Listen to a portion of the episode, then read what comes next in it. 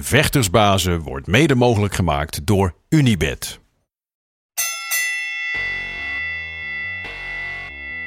It's time for Vectorsbazen!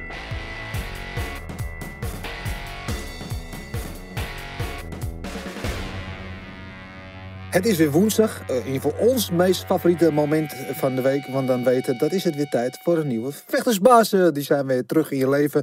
Zoals elke week eh, met eh, al onze favoriete verhalen van de beste Nederlandse vechters. En al het beste wat de Nederlandse vechtsportwereld te bieden heeft. En zoals altijd, en alleen, alleen hier te zien bij vechtersbazen. De enige echte former Strikeforce Champion of the World. Jawel, daar zijn we weer. Marloes, goed dat je er weer bent. Ja, fijn dat ik er weer mag zijn, joh. Nee, je moet. Nee, niet mogen, je Oh, moet. Oké. Gewoon verplicht, wat ben ik zonder jou? Dus je moet hier gewoon eh, zijn. Eh, je een beetje een goede week gehad? Ja, jij, jij, eh, we hadden het er net over. Je hebt zeven uur lang UC zitten kijken, idioot. Ja, ja, maar dat doe ik vaak wel. En het was, het was een drukke week. Want we hadden het vorige week over, want PFL was terug op vrijdag. De UFC dan, One Championship was natuurlijk ook met, met onze eigen Nicky Dus het was een drukke week met veel, eh, veel kijken. Maar ik had eh, zaterdag, ja, wat eh, gaan we straks uitgebreid over hebben.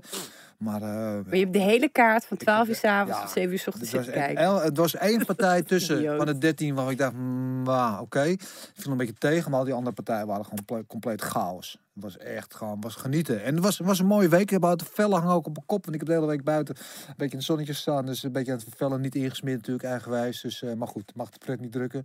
Goh, ja. Eh, Ik zie niks. Ja, maar ik ben blij dat de zon überhaupt weer schijnt. Hè? ja.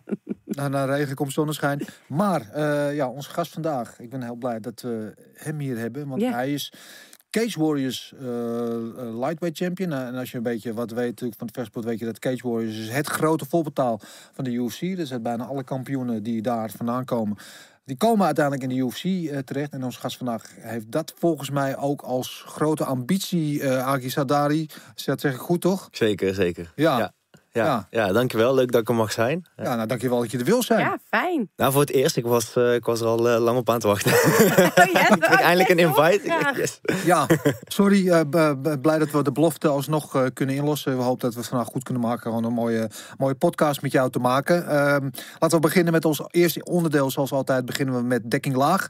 Eh, waarin we jouw tien stellingen eh, voor gaan leggen. En dan mag je gewoon lekker kort eh, vanaf de top of je head... gewoon lekker spontaan op reageren. Niet te lang nadenken. En dan kunnen we daar straks eh, misschien op terugkomen. Ik zou zeggen, ben je er klaar voor? Ja, ja. Dekking laag, daar gaat hij. Eh Teheran of Tilburg? Tilburg. Karate of MMA? MMA. Studeren of vechten? Vechten. Eh, UFC of Bellator? UFC. Eh Musashi of Alakbari? Musashi. Eh Conor of Poirier? Poirier. Ja, uh, komt er de voor, dus achtergrond. Dat is dus, moeilijk, eh, ja. Eh, Nagano of Jones? Nagano. Shevchenko of Nunes? Nunes. Eh, American Top 10 of thuis trainen in Tilburg? In Tilburg sowieso thuis trainen. Zeker. En de laatste X-Men of Avengers? X-Men. Ja. Ja, ja, Ja. ja, Wolverine, hè? Ja, de Wolverine, ja. Hoe ben je aan die bijnaam gekomen? Ehm, mijn eerste fotoshoot op eh, Aruba. En toen stond ik daar echt super boos kijken. Echt strak in de camera. En, Voor een eh, partij was dat. Voor een partij was dat inderdaad. En eh ehm, haar helemaal messy, dikke baard, kan nog niet getrimd, niks. Dus, eh, en toen zei die fotograaf, hé, hey, lijkt die echt op de Wolverine. Zal ik er klauwen bij doen? En toen eh, bekeken we hem achteraf, hé, hey, dat lijkt echt op de Wolverine. Zo, zo kreeg ik me bijna. Dus blijf plakken. Dus blijf Ja. plakken. En wel een goeie. En ik- Ja, en ik was echt een X-Men fan. Wolverine fan, dat, eh, dat, dat trekt me wel, zijn, eh, zijn character. Gewoon savage wanneer het eh, eh, moet. Ja, hij is ook een beetje een renegade, hè? Dan een beetje een buitenbeentje. Wat past niet helemaal in de, in de, in de, in de gevechten orde, zeg maar. Eh, ben jij ook zo? Ja, stille guy. Eh, normaal is hij best wel aardig, toch? De Ja. Wolverine, maar wanneer het moet, gaat hij, Ja. gaat hij gewoon knallen. Ja, niet aan, aan degene komen die hem naast zijn, maar dan wordt hij woest. Dan wordt hij woest. Ja. Ja. Ja, precies. Zo ben ik aan mijn bijnaam gekomen. Ja, mooi. Hugh Jackman. Ja, ik eh, vind het ook wel een mooie rol. Ja, zeker. Hey, Teheran of Tilburg, kun je dat uitleggen? Waarom kies je voor Tilburg?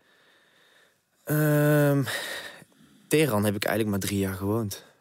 Dus eh, toen ik drie was, eh, zijn we hier naar Nederland gekomen. Eh, in het AZC eh, gezeten in Zwolle was dat volgens mij. Ehm, anderhalf à twee jaar. En eh, vanuit daar eh, ja, werden we in Tilburg geplaatst. In een flatje in Tilburg-Noord. En eh, ja, ik heb, hier, ik, ik heb hier op school gezeten. Ik heb hier alles geleerd. Van, van karate tot MMA tot, tot studie. eh. Dus eh, ja, ik weet eigenlijk niet beter. Ik, ik herinner me Teheran eigenlijk niet eens meer. Dus- Nee, nou, ik- weet ik, als je van zo jong bent, we zeggen van de eerste drie, vier jaar weet je eigenlijk niks meer. Maar ik kan me ook voorstellen, zo'n periode van, van, van land verwisselen en dan in, in zo'n AZC, dat het heel ingrijpend is, dat het heel veel indruk maakt op Ja. je. Wat staat je nog bij van die periode? Mm, dat wij een hele kleine kamer hadden. En ik weet nog dat, eh, dat, dat, eh, dat mijn moeder heel eh, struggelde, heel vaak struggelde. En mij gewoon altijd in, in slaap zong, huilend. En Oh. dat, dat is me nog bijgebleven. En dat we gewoon een heel klein kamertje hadden. En ja, wel echt super multiculti. Dus je kon wel echt gewoon heel fijn spelen. Echt super veel mensen om je heen. Bingo-avonden. Dus probeert het wel gewoon echt zo fijn mogelijk te maken voor kinderen. Alleen ja, heel fijn was het niet. Met z'n allen eh, gepropt in één kamer. eh. Ja. Maar we waren toch wel een van de eerste die, die, die best wel snel een ver- ver- verblijfsvergunning kregen. Twee jaar Ja. is best wel, Dus de, is wel grap.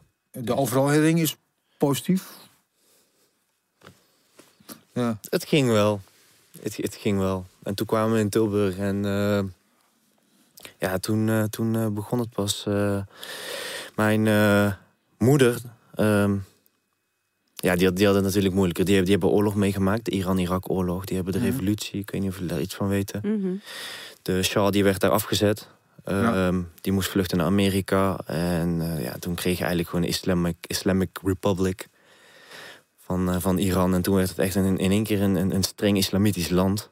En ehm, daar hebben zij ook meegemaakt. En zij had haar zoon verloren een aantal jaar voordat wij naar eh, Nederland kwamen. Dus mijn oudste broer. Dus zij heeft zoveel shit gezien, bommen over hun hoofd. eh, eh, in een stad tot, tot, tot ja, gewoon echt de gekste dingen. Dus ja, ja. voor haar was het een eh, stuk moeilijker. Ehm, ik kwam hier en ja, ik begon eigenlijk in het AZC. Daar weet ik eigenlijk vrij weinig van. En het eerste wat me is bijgebleven is aan groep, groep, groep 1... dat ik eigenlijk geen Nederlands sprak en nog de taal moest leren en zo. Mhm. Daar had ik nog een beetje moeite mee. En voor de rest eh, ging het wel. Ja. Ja. Maar heb je veel van, volgens je moeder, eh voor je ouders dat het heel ingrijpend is geweest, ook helemaal om je, je, je, je, je vaderland, je moederland te moeten ontvluchten vanwege Ja. die redenen. Heb je dat wel heel erg meegekregen van het huis? Ik bedoel, is het wel iets wat, wat thuis ja, eh, bepalend was voor de sfeer? Of in ieder geval, Ja, wel voor de sfeer. Want toen wij naar Nederland kwamen, zaten ze ook net in de scheiding. Dus dat was ook een van de laatste keer dat ik mijn vader zag. Dus je bent alleen met je moeder en... Eh, mijn oma die was al eerder naar Nederland gekomen. En ze waren met vijf broers en zussen. En ze waren een beetje verspreid eh, in, in, in ehm, Hannover, Hamburg, eh, Duitsland, Nederland. En wij waren de laatste die, die richting Nederland kwamen met mijn tante. Dus jij, je moeder en je, tante? Ja, en mijn zus en mijn oudere zus. Ja, ja. En eh, uiteindelijk kwam mijn oma ook hier in, eh, eh, in, in Tilburg wonen. Dus eh, ja, ik ben gewoon opgevoed door mijn oma, tante, moeder en mijn oudere zus. Vier vrouwen om je heen, ja? vrouwen ja. Me- Merk je daar wat van ook, hoe jij omgaat met vrouwen? Of hoe je naar de wereld kijkt? Merk je dan van, ja, ik ben wel echt in een vrouwenhuishouden opgegroeid. Ik hoor het vaker, ik merk er zelf niks van. Wat hoor je dan? Van ja, het is wel een. eh, dat, dat, dat, dan toch. eh, eh, dat ik vrouwelijke keuzes maak, zeg maar. Ja. En misschien ga ik iets respectvoller om met vrouwen. Nou, dan zeg ik Denk ik. Ja. ja, wat, Ja, dus ik heb wat, geen- wat, wat is een vrouwelijke keuze? Wat is dat dan? Ik zou er zo niet 1, 2, 3 kunnen noemen, maar ik heb het best wel vaak Ja? gehoord. Ja, ja. Grappig. Ik, eh, ja, nou Ja. ken je natuurlijk niet zo goed, maar nee, het is niet... Is... Voor mij was het niet zomaar even een balletje trappen en, en, en mannelijke gesprekken en zo. En, en, en je hebt natuurlijk ook de culturele taboes en zo. Vanuit Iran, dingen waar je niet over kan praten. Gelukkig is mijn moeder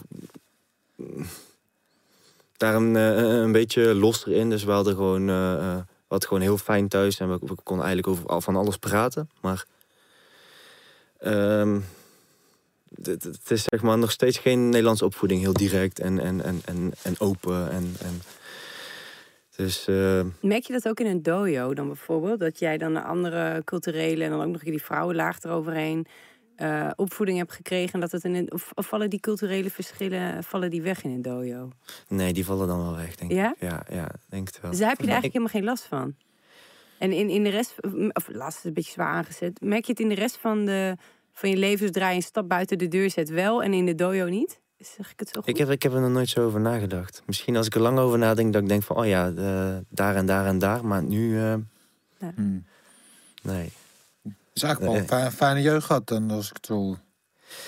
Of ga ik... Nee, ik heb, er, ik, ik, ik heb van de overgang tussen Teheran en Tilburg heb ik niet heel veel meegekregen. Nee. Maar het was, het, we hadden het niet breed. Mijn, Nee. mijn ouders waren in Teheran waren ze best wel, best wel rijk. ehm, van wat ik heb begrepen. Ze hadden het best wel breed. Alleen na de revolutie is... Ik, ik, ja, en eerlijk gezegd weet ik niet of ik hier over mag praten. Dan doe je het Ehm, niet.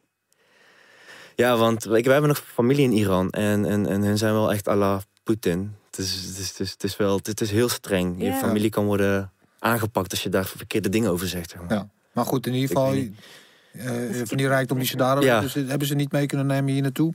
Duidelijk. Ze zijn eigenlijk vanaf nul eh, hebben ze moeten beginnen. En ehm, ja, mijn moeder eh, ja, die heeft natuurlijk heel allerlei trauma's met haar mee- meegenomen. Dus dus, ehm, en, wat het niet, niet, niet heel breed.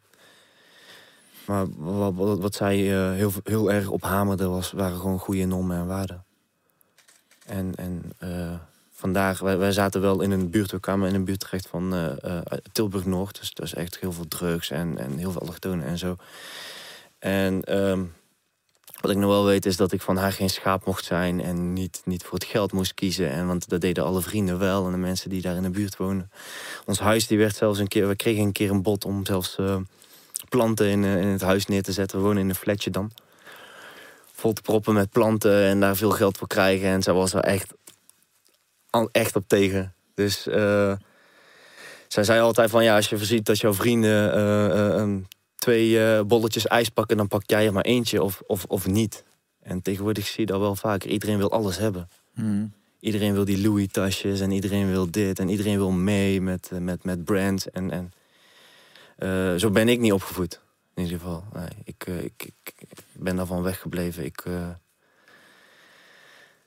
eh, ehm, ben niet eh, de, de, de drugskant opgegaan, ook al was het wel heel makkelijk om voor het geld te kiezen. Ja, want heb je dat veel zien gebeuren om je heen? Ik heb het wel gezien gebeuren, inderdaad. Ja, ja.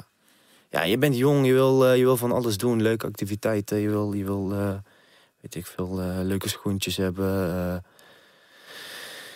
trainingspakken, van, van kleren tot, tot, tot eh, weet ik veel... eh, spullen, eh, horloges. Maar ik, ik ben daar gelukkig nooit voor gevallen.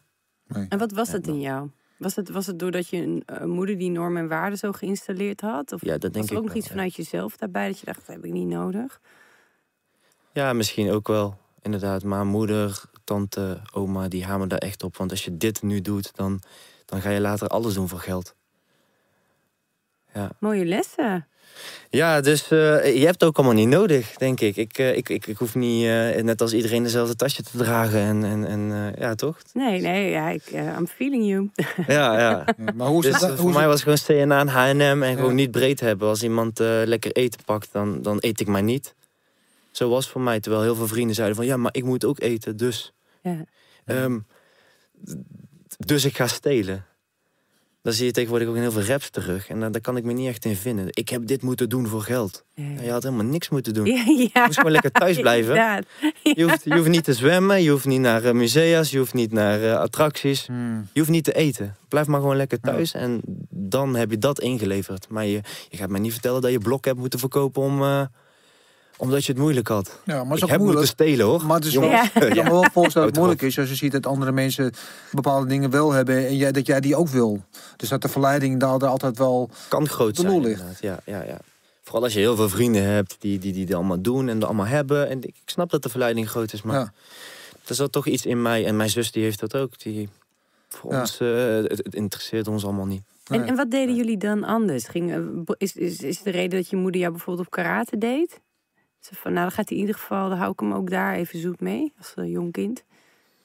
Ehm, karate begon eigenlijk vanaf mijn tiende. Dus ik had, ik, ik had het eigenlijk al veel eerder eh, vanuit eh, huis meegekregen.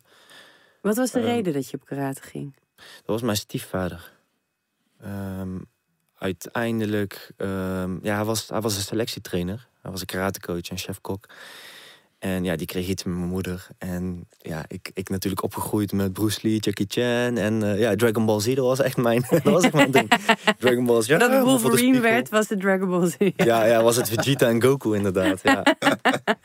ja. Alleen ik was, ik was eh, rond mijn achtste, negende werd ik een beetje mollig. En ja, dan durf je die stap gewoon toch niet te zetten. En als, je, als jouw stiefvader eh, ineens karate-leraar is, ja, dan is die stap best wel makkelijk gezet. Ja? Dus, eh, dus ik ging gewoon eh, mee en eh, ja, ik vond het zo vet. Ik dacht van, eh, ik wil gewoon de next karate kid worden. Kan, je, kan je de eerste training nog herinneren? Eh, ik heb de eerste training meegekeken. Wat dacht je toen? Ik durfde niet mee te doen. Dus ik snap de jeugd heel goed waarom ze niet gelijk... eh, eh, Die springen, ja. ja, ja, precies. Ik dacht wel, oh, echt vet. eh, dat, dat, de kraanvogel van de Karate Kid, Cobra Kai en dat soort dingen. En, en karate was toen wel gewoon echt hip. Dus eh, ik heb de eerste paar keer meegekeken. En hij was natuurlijk de selectietrainer. Dus hij, je, je moest eerst langs hem wel je wedstrijden doen. En hij heeft mij nooit volgetrokken. Het was gewoon echt eh, discipline, hard trainen. Jij moet ook gewoon laten zien eh, wie je bent, wat je kan. En dan pas doe je wedstrijden. Dus, eh, En in, in die eerste training, wat dacht je toen? Toen je het zag, toen je al die mensen die trappen zag maken, het sparren, noem maar op. Ik weet dat ik het gewoon zo snel mogelijk onder de knie wou hebben. Je wilt het gewoon zo snel mogelijk leren en dan richting wedstrijden. Ik vond, ik vond het was gewoon een heel nieuwe wereld. Welke vorm van karate deed je? Welke... Ik begon met Shitoryu. Daarna stapte ik over naar een eh eh, Shotokan. Ja, Want daar zat ook het eh, Japanse systeem in. Met, met wasaris noemen ze dat. ja. Doe je een... een de Japanse versie is dus... Je gaat naar een, een... Als je een wedstrijd hebt, dan werk je met twee punten. En het KBN in het Shitoryu was... vanuit KBN was... Dat je een puntensysteem had, dat was het toucheren. Dan moest je hier Mhm. stoppen, zeg maar. En het Japanse was eigenlijk semi-hard. ja. Dus je mocht wel... Je mocht wel tikken, zeg maar, maar niet, maar, niet maar niet knock-out. slaan. Inderdaad. Lukte Ja, dat dus ooit? Ik heb, ik heb ooit als... Ik gooi er even een in. Nee. Ik heb ooit als... Nee, ik denk dat ik 15 of 16 was, heb ik aan zo'n regenboogtoernooitje eh, meegedaan. Ik deed alleen nog jiu-jitsu toen. Eh, ik weet wel dat ik iedereen... eh, dat ik eh, wat dingetjes deed die niemand mochten. En dat ook wat mensen met wat ogen wegliepen. Ja, ja, ja. Lukt toch helemaal niet? Skin touch. Lukte, lukte dat echt? Of zag je vaak toch geschreven neusjes en eh, blauwe ogen? Ik kende niet beter, dus ik, ik kende echt niet anders. Dat was voor mij gewoon een puntensysteem. En Maar, dat, eh, gaf toch wel niet- best wel een... Ja, Maar ik bedoel dat raken als je op een podium staat en iedereen die kijkt in een wedstrijd. Dan kun je dan echt zo beheersen dat je iemand niet net even iets te hard op eh, een jukbeen slaat. nee, ik had, ik, Dat ging gewoon goed. dat, dat ging gewoon goed Ja? inderdaad. Ja, want Merk raad- je, merk je dat nu ook die training van, dus, dus eigenlijk heel erg goed afstandmanagement kunnen heb je dan, hè? Ja. En ik zat dus vanochtend jou een wedstrijd te kijken eh, van dat je kampioen werd.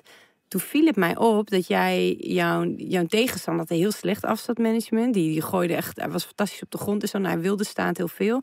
Maar jij had de hele tijd de juiste afstand. En als je wat deed, was het explosief en raak. Je was heel spaarzaam met je acties, maar die waren van hoge kwaliteit. Komt dat terug uit... uit kraten, ja, Ja. zeker. Ja. En in juist dat skin uit. touch?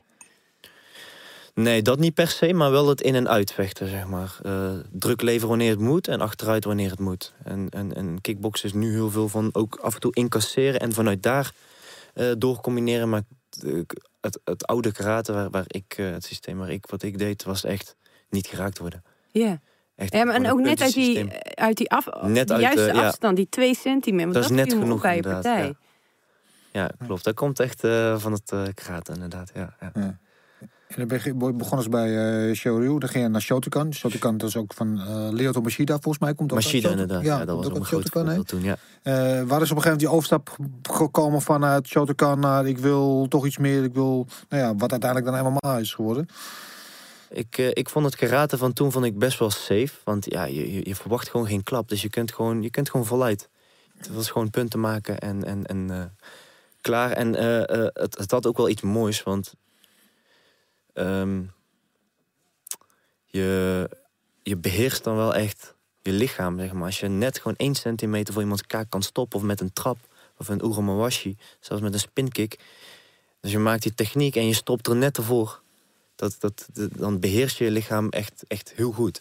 Ja, en ook En- gewoon het kijken. Dat is dat afstandmanagement waar Ja. je dan heel goed in wordt. Ja, ja precies. En toen ehm, deed ik met het Japanse systeem mee. En dat vond ik nog iets leuker. Dat was dan toch wel, ja, eh, iets, iets harder raken. En toen Wat kwam ik... voelde je dan? Waarom vond je dat leuker? Ja, op een gegeven moment werd ik ouder, 16, 17 jaar. En toen dacht ik, ja, dit is uiteindelijk, uiteindelijk is het een vechtsport. Het is geen, Het is geen tikkertje. het is geen tikkertje inderdaad. ik Ja. dat je dat... Ja, nee, maar, ja, ja. nee, maar dat is het wel. ja, klopt. En karate wou toen naar het Olympische Spelen. Dus er ging allemaal body armor, scheenbeschermers, echt alles erop en aan. Toen dacht ik, ja, dit is geen vechtsport meer. Dit is gewoon eh, punten tikken. En dat is, dat is wat taekwondo van nu ook naar, Mhm. naartoe Ja. aan het gaan is. Ja, daar vind ik niks. En het Japanse systeem was gewoon zonder handschoenen. Boem, erop. Of gewoon hele dunne handschoenen eigenlijk van die MMA. Ja, ik ken die dingen, ja, ja. Van die witte. En Ja. ja, ja dat, dat, beviel, dat beviel, beviel me wel, inderdaad. En toen, ik heb één keer meegedaan met het WK. Dat was ook redelijk hoog niveau in, eh, in eh, België. En toen zat ik in de halve finale. En dat was voor mij echt de druppel. Toen stapte hij in, boem, perfect getimed, maar hij liep erin. Dus ik sloeg hem neer.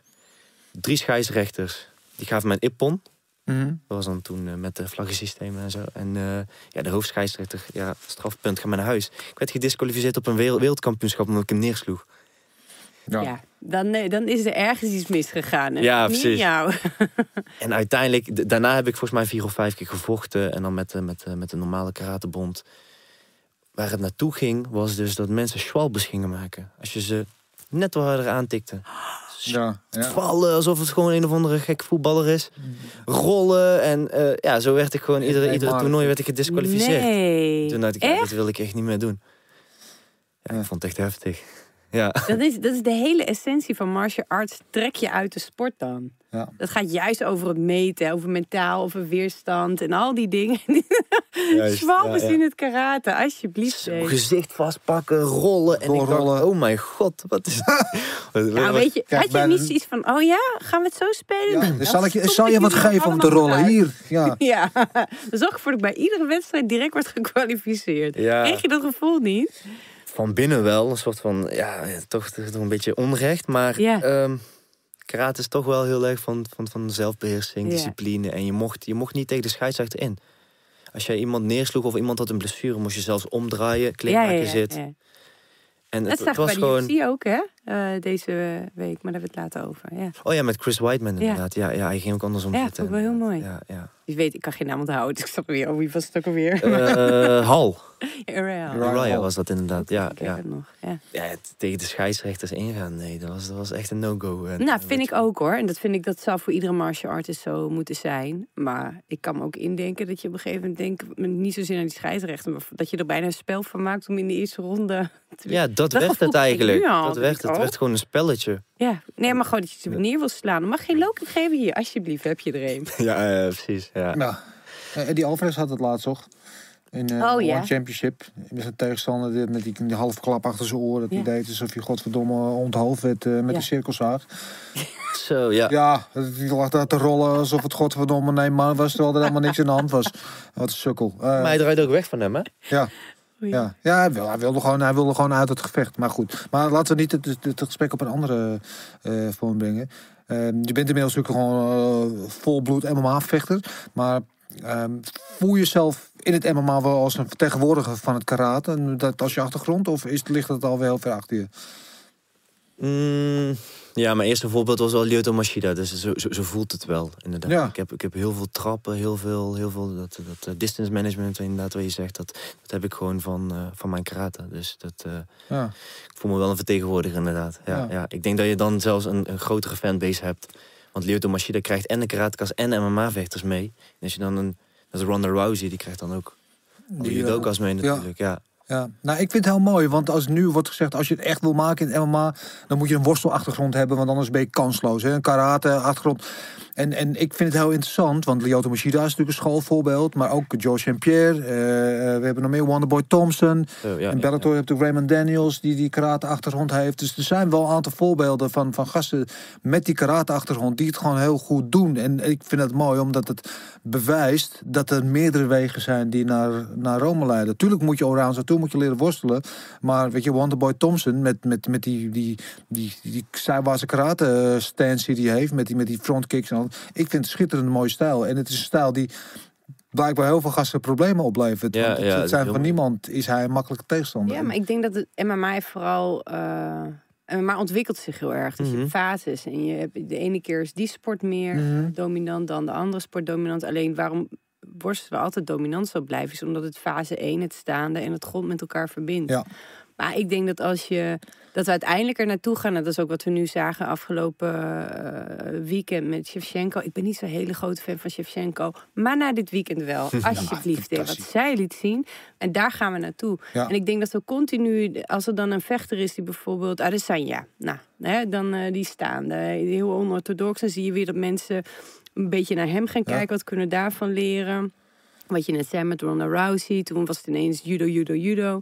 Dus ik denk dat we uiteindelijk eh, alle kanten een beetje uitgaan. Maar dat de rode draad is dat we ons ont- gaan ontwikkelen tot eh, eh, allround. Echt Ja, allround en, vechters en- maar Ja, daar en daar, en dat ben ik met je eens. En dat gaat het nu natuurlijk om. Want er groeien nu hele generaties vechters op die beginnen als MMA-vechter. Die, dus die gaan meteen die MMA-gym in om allround te worden. Ehm, maar wat je volgens mij, maar misschien, kijk, je hebt dan misschien school voor, voor voorbeeld, en die denk jij er anders wordt hetzelfde over. Ehm, wat je bij gaat vermoorden over tijd zijn de specialisten. Dat zijn de, de Wonderboy Thompsons of de Ryota Machida. Of weet ik veel, die van een bepaalde achtergrond komen. Die heel goed zijn in trappen. Of die heel goed zijn in boksen. Of heel goed zijn in worstelen. Omdat ze die achtergrond hebben. Dat ze eerst jaren hebben geïnvesteerd in het karate bijvoorbeeld. En dan naar het MMA gaan. En ik denk als je...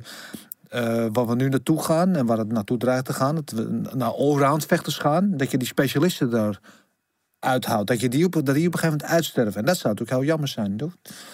Ja, maar daar heb je. eh, ik, ik, nou, ik denk dat het onvermijdelijk is. Maar ik denk ook dat MMA naar zo'n niveau gaat. Dat op een gegeven moment je niet meer wegkomt als je alleen maar goed bent op de grond. Dat je juist die koppelingen, fase 1, 2 en 3, dat je die heel goed moet kunnen beheersen.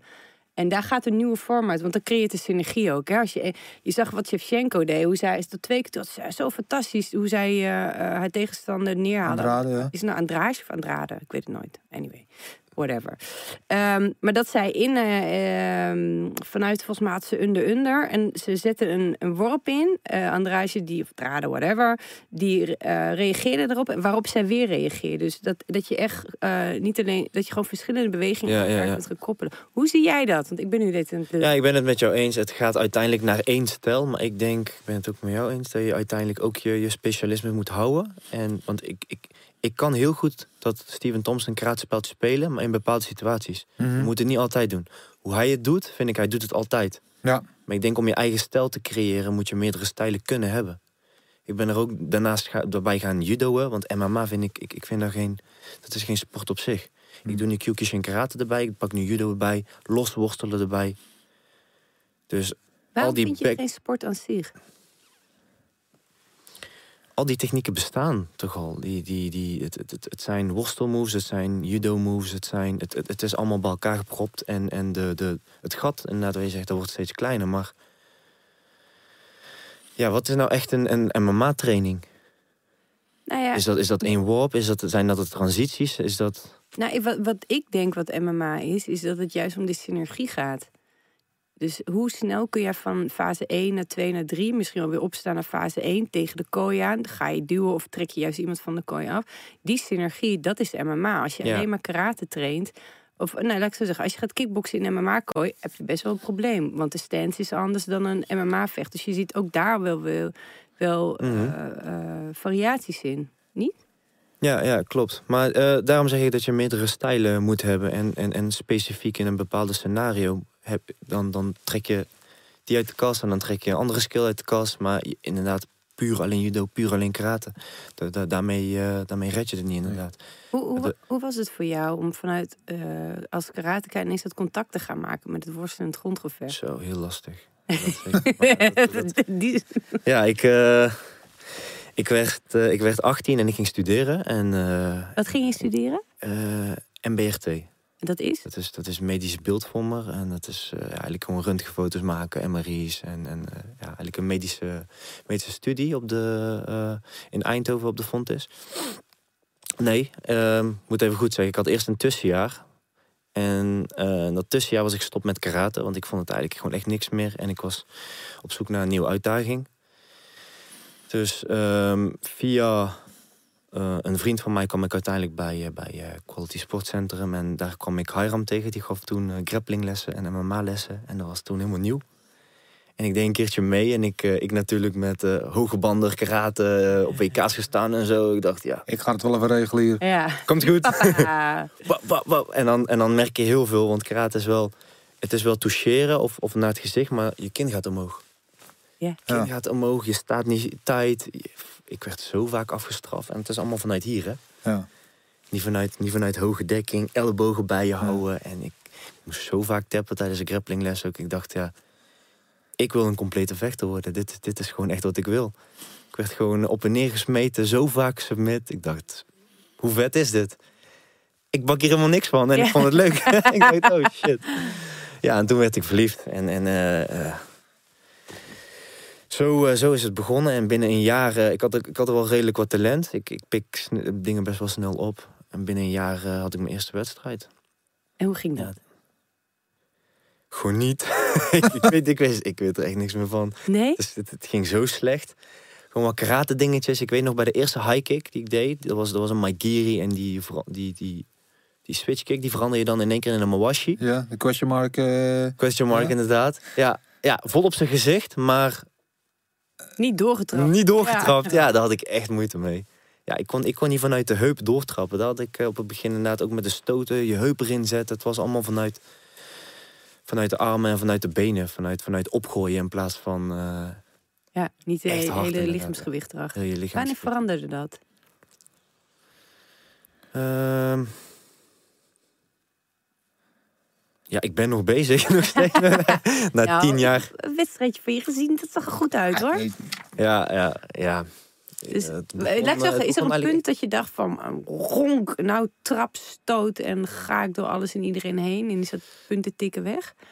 Nee, niet echt. Dat, eh, ik, ik merk zelfs nu nog dat dat, dat dat soms in mij zit. Dan merk ik bij het sparren, dan wil ik gewoon eerder punten maken dan, dan, dan echt iemand helemaal, helemaal slopen. Dus uh, Maar je hebt van je, van je, van je 14 winstpartijen, volgens mij. Heb je, ja, 14. win- ja. Wel een stuk of 10. derde op die keer. Nee, 16. Ik heb, ik heb nu 16. Ik, ik sta 14-2. 14 Ah, 14, ja, dus 14 winstpartijen wins inderdaad. Dan heb ik er 10 eh, op beslissing. Of, of, of op eh, finish. op finish. Dus KO ja. of submissie. Ja, ja. ja. precies. Verklaar dat dan maar eens, meneer de puntentikker. Dus toch, eh, ja, de eerste zeggen. zes waren volgens mij submission, hè? Ja. Maar er zitten zes submissions in en vier, Vier, eh, vijf vier, KO's, ja. TKO's inderdaad. Ja, ja. Ja. Ja, wel, wel afmaken, maar er, er zitten geen, ehm, geen echte KO's bij waarbij iemand gewoon gestrekt gaat, zeg maar. Het is gewoon echt vanuit het worstelen, neerhalen, blijven pounden of, of gewoon echt submission opzoeken. Is, is dat dan ook wat je eigenlijk het liefst zou willen nu in de kooi? Dat je voor jezelf wil bewijzen dat je iemand gewoon eruit wil rammen en trappen? Mm, nee, niet per se. Ik wil, ik wil altijd, ehm, waar ik altijd heel blij van word, is, is dat ik mij kan houden aan, aan mijn gameplan. Dat ik coachable ben en dat ik, dat ik gewoon alles wat we acht weken lang hebben getraind, dat ik dat, ik dat gewoon uit kan voeren. Dus dat is heel taakgericht. Heel taakgericht. zo. Ja, niet zozeer prestatie, maar meer taakgericht. Ja.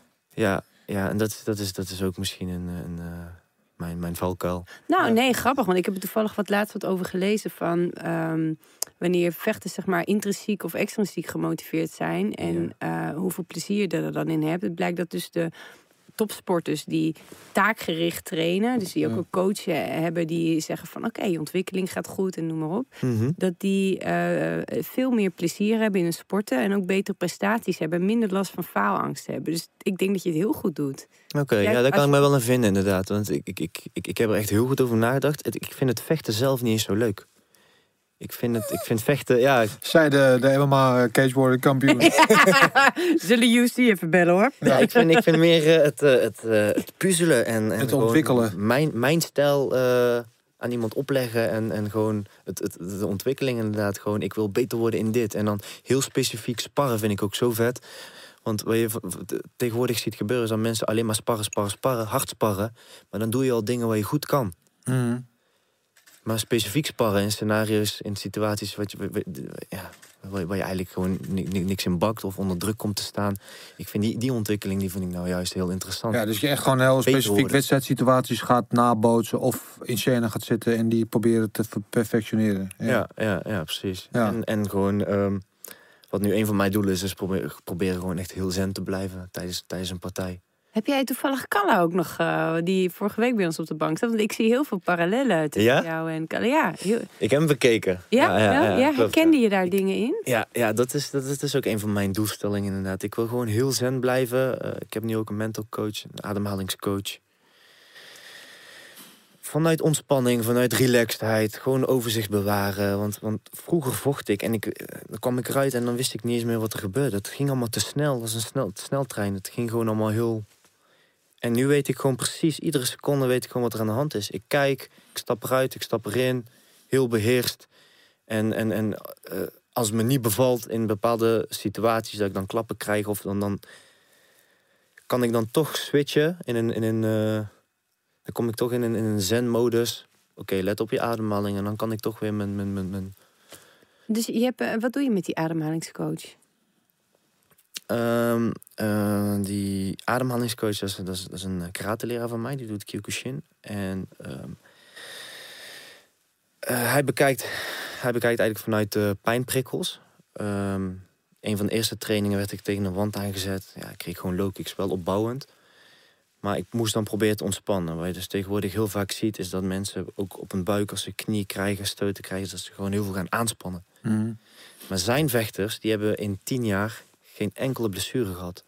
Want de ontspanning zit hem in buikademhaling, geen spierspanning. Want als jij iets aan gaat spannen, ga je dus hier, ga je, ga je het vastzetten. Mhm. En daar komen de meeste blessures van, vandaan. En ehm, het eh, wat, een van de eerste dingen wat hij ook tegen mij zei... Ik had een keer mijn rib gekneusd. Hij zei van, een eh, rib kun je niet kneuzen als hij niet onder spanning staat. Dus ontspannen, relax, ademhaling. Dus die pijn... Omdat hij dan meebeweegt met de, met de impact. Mee met de, mee met de flow inderdaad. Je, je spant niks aan waardoor het ook niet kan blesseren. Dus eigenlijk Dus een beetje het, het idee van, eh, van Jiu-Jitsu. Het twijgje in de wind. Hè? Dat als er een storm is, dat die meebeweegt met de wind. En de oude bomen die inderdaad, ja. klakken op. Is het dat principe? Zeker. Ja, ja, ja, go with the flow. En, en Ja. ja, vanuit ademhaling, kijk, dus ook een stukje mindfulness. Hè? Jullie, hebben jullie wel eens gemedi- gemediteerd? Ja, ik ben Ja. er heel slecht in. Slecht in? Ja, ik ken Ja. dat ook niet, eh, het is niet. Nee. Nee, ik, moet, ik heb nog wel wat te leren. Ik, eh, maar vertel, daar ben ik super geïnteresseerd in. Dus Dus wat je, dan, eh, wat je dan altijd krijgt, is dat je tijdens het mediteren... dan, dan denk je in één keer aan eh, wat er gisteren is gebeurd... wat, wat, je, wat jouw toekomstplannen zijn... ehm, wat je zo meteen gaat eten... en jouw jouw gedachten die switchen eigenlijk continu back and forth. En dan als je continu op je ademhaling let... ben je in het hier en nu. mhm. Continu. En dat vind ik het mooie van mediteren. En, en dat zie ik terug in het vechten ook. Als jij heel beheerst en met, met, met de juiste ademhaling kan vechten... dan ben jij, ik noem dat de hyperfocus... Mhm. dan ben jij echt in het nu. Tijdens een partij denk je niet na over wat je gisteren hebt gegeten. En dat is het mooie van, van, van, van de sport, vind ik. Mhm. Ik, vind dat, ik vind dat zo vet dat je... dat je de effect hebt van meditatie, maar dan keer honderd. Dat je, Ja. dat je, dat je echt in het nu leeft.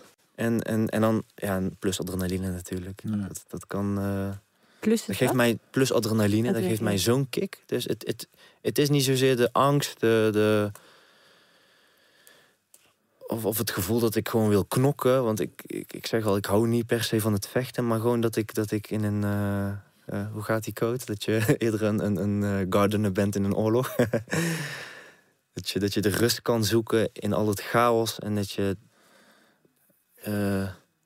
Eh, Dat je het bijna meditatief kan maken. dat je bij- bijna meditatief, meditatief de kan actie van maken, het vechten, dat je dat. Ja, is- Heel erg in het, eh, in het nu, inderdaad. En dat Ja. zie je bij Connor ook terug. Ja. Heel beheerst, relaxed, lage ademhaling. ja. En dan gewoon je momenten uitkiezen en dan gewoon eh, toeslaan. Wacht Dan even, je had net met de dekking laag Connor af. Conor of Poirier, ja. En toen koos jij voor. Poirier. Waarom? Ja, ik twijfelde wel, hè. Ja, je moest en lang over nadenken, Omdat je ja. Connor aanhaalde, ik nou, dan wil ik het weten ook. Ik weet bij Connor niet of, het, eh, of, of, of, of hij echt zo is. Of dat, dat hij gewoon een, een, een, Een rol een speelt. character rol speelt. Of een... En, en ik zou dat niet kunnen faken, zeg maar. Hij heeft, dus, hij heeft, hij heeft het, de sport wel naar een, naar een next level getild. En eh, Ja. nou, daar ben ik hem eigenlijk gewoon dankbaar voor. Want iedereen kent nu MMA door Connor. Ja. Maar Poirier, dat vind ik gewoon zo'n geweldige kerel. Hoe hij praat, zijn, zijn, zijn attitude, zijn... zijn... nuchterheid, zijn... zijn eh, hij is gewoon heel respectvol. Ja, ja tuurlijk. En voor wat hij buiten de sport ook doet met zijn Good Fight Foundation. En- Ja, precies, ja, gewoon ja, ja. all in all een goed mens. Gewoon goed nou, mens, overal, ja. Zie je meer als martial artist dan dat je Connor als martial artist ziet? En is dat wat jou Ja. in hem aantrekt? Ja, ja ik Ja. hem gewoon een beter persoon. Dus, Of van eh, wat Connor is geworden eigenlijk. Hè? Want Connor was in het begin natuurlijk altijd wel van de trash talk. Maar want ik, ik begrijp heel goed wat jij bedoelt met Connor. En ik denk niet dat het gespeeld is. Eh, want Connor is ook juist heel erg van het visualiseren. En, en weet dat volgens mij als, als geen ander in de kooi is inderdaad zo de rust en de controle te bewaren. Omdat hij van tevoren al voor zich ziet wat er gaat gebeuren. Hoe het zich gaat afspelen. En Ja, ja, eh, ja. ehm, nou ja, in, in bijvoorbeeld de Jose Aldo fight en, en Eddie Alvarez eh, gevecht gebeurde dat ook zo. Zoals hij dat van tevoren. Dan stond hij er bijna met, met zijn stopwatch stond hij daarna af te tellen tot het moment dat. Weet je, en dat is natuurlijk het ultieme waar jij het dan over hebt.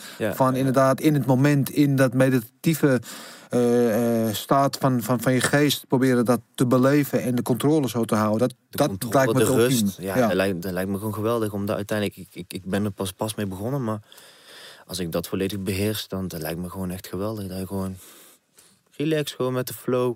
ja. Echt eh, Bruce Lee-like. Ja, ja. Ja. Gaat, gaat je eigenlijk om de weg, om de do? ja, ja, karate. Do. Ja, ja, precies. Ja. Hoi. Van de leg van de lichaam. Ja, ja. Ja. Klopt, ja. ja. dat, vind, dat vind ik het mooie van MMA. Inderdaad, maar niet... Ja. eh, En dat gebeurt dan op een ultiem niveau. Dus het is niet skin touch. Het is gewoon echt eh, hier, in het hier en nu. Alles kan op je afkomen. Je weet niet dat je elleboog kan krijgen en Ja. knieën kan ontvangen. En het is, het is in de chaos de rust zoeken, inderdaad. De ultieme chaos, de ultieme rust vinden. Ja, ja precies. En geen één sport kan er evenaren. Want ze zeggen ook wel, you play voetbal, you play dit, you play Don't dat. play En MMA. stomp op je kop play je niet. Dat is, dat is gewoon echt serieus. Maar tegelijkertijd zeg je van ik vind het een beetje jammer dat ik niet zo'n echte KO heb. Van Wolverine, laten we dan even in, dat, Ja, eh, ja, in die ja, beeldspraak blijven. Dat je van het Wolverine terug verandert in mensen, dat je klauwen ingaan. Dat je op je heen kijkt, dat je overal lichaamsdelen ziet. Denk, wat is hier gebeurd? Oh, ik heb iemand aan stukken gescheurd. dat je dat ook tegelijkertijd een beetje jammer vindt dat je dat nog niet hebt gehad. Of zeg ik dat... Ik, ik denk dat dat komt. Dat is gewoon eh, timing zoeken. En, en, en, en ja, die, die KO's komen wel, maar dat is, dan, dat is ook meer Die komen Voor mij meer. uit je zoektocht eigenlijk. uit, je, ja, uit mijn zoektocht inderdaad. Dat is, dat is meer een, een, een prestatie waar ik nou op zoek ben dan, dan de van, nou, ik wil ze echt een kop eraf slaan. Ja, ja. Dat heb ik niet. Ja. Dat heb ik nooit in een partij. En misschien is dat... eh, Het is nooit persoonlijk. Het is nooit persoonlijk. En die, die, die switch proberen wij nu met de mental coach te zoeken. Inderdaad. Van wat. eh, af en toe ga je er met een intentie in van: oké, ik wil eens een kop eraf slaan. En ik, ik, ik, le- ik mediteer, ik, ik lees eh, allemaal, ik, ik lees superveel van die boeken. En ik word er juist rustiger van. Ik denk van, ik wil Ja. er niet zijn kop eraf slaan, maar hoe Ja. komt dat? Je wilt thee met hem drinken. Ik wil, Ja, maar is het nodig wil- om iemand zijn kop eraf te willen slaan? Het, het, het doel van een, MMA-partij is dat je wint. klopt. Of je dat nou Ja. op punten doet, nou liever niet natuurlijk. Submission of KO. Ja, maar zo heb ik het altijd bekeken. Waarom Ja. zou je daar heel emotioneel in moeten gaan? Dat is een weg, maar dat is niet de weg. Je hebt toch je eigen weg? Ja, ja daarom zijn wij zoekende. Ja, Of ja, om die ik- balans te vinden. Want je wil ook, je wil tegelijk, je wil naar de, de UFC. En UFC is, ook, is MMA, maar is ook entertainment voor een groot deel. En als je wil opvallen, dan moet je iets doen waardoor je opvalt. Ja, eh, eh, klopt ja. Ja. Ja, nee, dat klopt. Dat klopt zeker. Maar de, de, de fight skills zijn er. Ik ben nog zoekende in het... eh, in die switch, hoe ik het noem. Of dat vanuit emotie moet komen, dat weet ik niet. Maar misschien, misschien vanuit frustratie. We zijn het nu aan het bouwen. Frustratie is ook een emotie. Ja, ja, precies. We zijn het nu aan het bouwen vanuit frustratie. De Shark Tank. Dan komt er om de 1 minuut 40 komt er een nieuwe tegenstander. En dan probeer je net te lezen. En dan mag je je handen niet gebruiken. En een andere ronde mag je je benen niet gebruiken. Een andere ronde moet je alleen tegen de kooi aan staan. En dan, en dan merk ik, oké, ik raak gefrustreerd. Dan komt die "Hur" uit mij, zeg maar. Komt de Wolverine Dan komt de. Dan komt Wolverine de. Wolverine- ja, precies. En, en dat, dat, die, die switch, Daar moet ik, naartoe. eh, ja. ja, daar moeten we naartoe inderdaad. Ja, ja. Ja. Dus ik hoop dat ik die vind voor de UFC, maar dat, maar dat komt helemaal goed. Zeker, ik vind, ik vind, eh, ik vind het winnen belangrijker dat ik, eh, dat ik, dat ik iemand eh, zijn kop eraf wil slaan. Dat, die, dat, dat is voor mij minder belangrijk. Je bent ook een veel te aardig vent volgens mij. Ja, vind je? Om, ja, tot nu toe wel, ja. maar om, ja, om iemand eh, om echt te dat is ook altijd. ehm, ehm, ik hoorde laatst een interview met Eddie Alvarez. En die zei over als, als ik iemand Het voorbeeld wat met Chris White, was ik een apart verhaal. Maar als ik iemand echt zou beschadigen in de kooi, eh, weet je, dat hij bijvoorbeeld de rest van zijn leven eh, daar last van zou hebben, zou ik meteen stoppen met de sport. Want dat is niet wat ik wil. Terwijl Eddie Alvarez natuurlijk de Underground King Zo, wel wat spectaculaire kousen op zijn op zijn palmarès heeft staan. Eh, maar die zei, jij wil altijd dat degene die tegenover staat, dat hij gewoon weer gezond naar huis gaat en naar zijn kinderen. En dat hij gewoon weer, weet je, dat hij normaal zijn Ja, leven kan leiden. En ik wil diegene geen pijn doen. Ook al, en dat is natuurlijk heel. Echt? Zei hij dat? Ja, dat zei hij. En dat is natuurlijk heel, heel erg eh, tegengesteld. Want weet je, het zijn stijl van vechten is natuurlijk wel heel destructief naast tegenstanders toe in ieder ja, ja. geval. Weet je, en, en, en Maar tegelijk. pijn doen of, of, of schade? Nou ja, eh, pijn doen, gewoon schade. Dat, dat, die, dat ze er iets aan overhouden. Weet je, natuurlijk wel kou slaan, maar Ik was er nooit mee bezig als ik dat Kan ik even wel naar mezelf betrek. Ik, daarom, nee. Nou, misschien is het iets wat ja, ben jij ermee bezig als je in de kooi staat van... oké, als ik hem nu eh, zijn arm breek... oeh, dan zit hij even zes weken in de mitella. Ben je daarmee ja, bezig? soms wel. Ik had Ja? het bij mijn amateurpartij wel. Dan zag ik een knie en dan gaf ik hem gewoon niet. Ik dacht van ja, ik, eh, ik kan hem ook submitten. Waarom zou ik zijn neus eraf knieën? Nou, Ik, eh, ja, Mooi. ja. Af en toe eh, te veel good guy. ja, precies. Want dat is natuurlijk dat is de balans waar je dan nu naar zoekt, neem ik aan dat je dat bedoelt. Want als je dan echt, eh, want Cage Warriors is natuurlijk al een van de grotere organisaties ter wereld, dus je bent al bij de elite, Eh, maar je wil zelf graag naar de UFC. Dat, Ja, ja, dat is je ambitie. Dan, ja, dan kan je dat je niet veroorloven om daarover na te denken. Nee, maar gelukkig zie je dat tegenwoordig ook niet meer terug. Nee. Dat had ik heel veel eh, tijdens mijn amateurpartijen. Maar nu, ik pak wat ik pakken kan. Ja. Nou, grappig. Ik, eh, ik hoorde ooit eh, Joop Kasteel, die zei een keer... ehm, als je een echte meester bent, dan kun je iemand in de klem leggen... dan hoef je die arm niet te breken. En ik had natuurlijk in Japan... Ik brak armen. Ik, daarom ben ik zo voorbij. Het interesseerde me echt niks. Ik dacht daar niet over na. Het zegt natuurlijk alles over mij. Maar oké. En ehm, toen had, ik een keer mee met ADCC in... eh, volgens mij was het in, in Los Angeles of weet ik wel, Philadelphia. En ik had het meisje ook in de klem. En ehm, toen dacht ik hetzelfde. En ik kon hem uh, kapot klippen. En ik hoorde echt Joop Kasteel dus in mijn hoofd zeggen. Nee, ik ben, een, ik ben in control. Ik ben Oh, een meester. ik doe het niet. Toen kwam ze eruit. Nou, toen, eh, toen had mama wel wat geleerd hoor. Ik, is het ook zo dat je met dat soort ervaringen... Heb je dat ook, ook, ook gehad? Dus dat je zei van... Dus dat je iemand een kans gaf van... Nou, ja, dat doen we maar even niet. En dat je daar vervolgens rekening voor gepresenteerd kreeg. En dat je dan in een andere partij dacht... Nou, dit gaan we niet nog een keer doen. Heb je die ontwikkeling? Mm, vooral bij grapplingpartijen inderdaad. Niet, eh, niet tijdens MMA.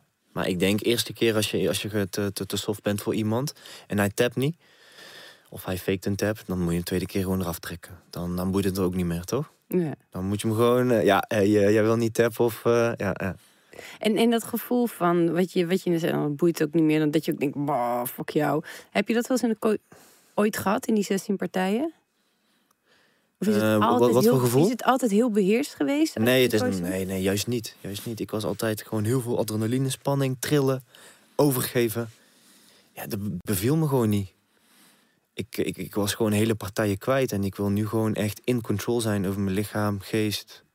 Ik wil er Dus gewoon heel was de beheerst angst in. die dat deed. De angst die deed dat, ja. Ja. En, wat was die angst dan? Druk om mensen niet teleur te stellen. Ehm, in de MMA-wereld is, is, is record ook iets heel belangrijks. Dat zie je tegenwoordig ook record bouwen. En, en als Ja. je, je moet, je moet eh, 10-0 staan, anders kom je niet in de UFC. Ja, precies. Ja. Daar word je op een gegeven moment gewoon moe van. En, en dan denk je, oh ja, als ik nu twee achter elkaar verlies of te grote risico's neem, Ja. dan kom ik er niet meer en dan is mijn carrière voorbij. Dus misschien had ik eh, een, een stap eerder eh, de ring in moeten gaan als bokser of kickbokser om dat, dat, de feeling zeg maar, eruit te, te, krijgen. Maar bij MMA was het zo erg vanaf het begin al recordgericht. Ja, ja.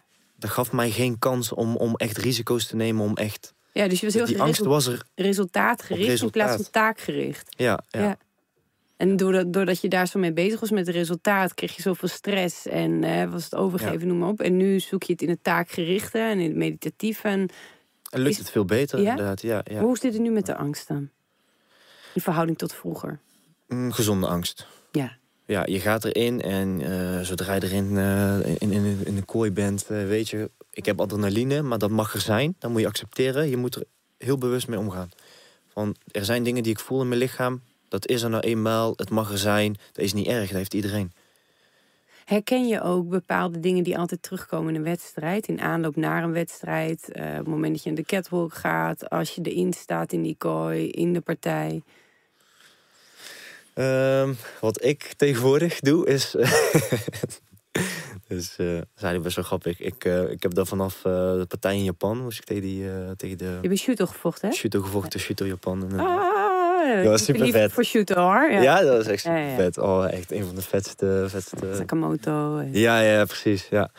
Ehm, ja, dat was de huidige wereldkampioen. En ik was gewoon natuurlijk de underdog. Dat, is, dat, dat vind ik. Dat vecht sowieso al een stuk fijner. Welk, welk Ah. jaar eh, eh, hebben we het nu over? In 2019. Net, 19. net Oké. eh, mijn blessure. Waar was het? Karkenhal? Of? Ja, ja, oké. ja. Oké, dan hebben, hebben we de setting. Hebben we die- Oké, oké, we zijn erin. Ja. Ehm, voor die partij. Ja, ik, ik dacht, dit, dit gaat mijn carrière maken natuurlijk. Is gewoon de huidige wereldkampioen. En hij is overigens nu ook Ryzen wereldkampioen. Zoals de Shuto en de Ryzen. Dus dat was best wel een grote naam. Ik stond... Ja. Shoot is heel, voor de mensen die niet weten, shoot is heel sterk eh, in jouw gewicht. En het is vaak ook een vierde show voor Rising en vroeger Pride en Ja. Deep en noem maar op.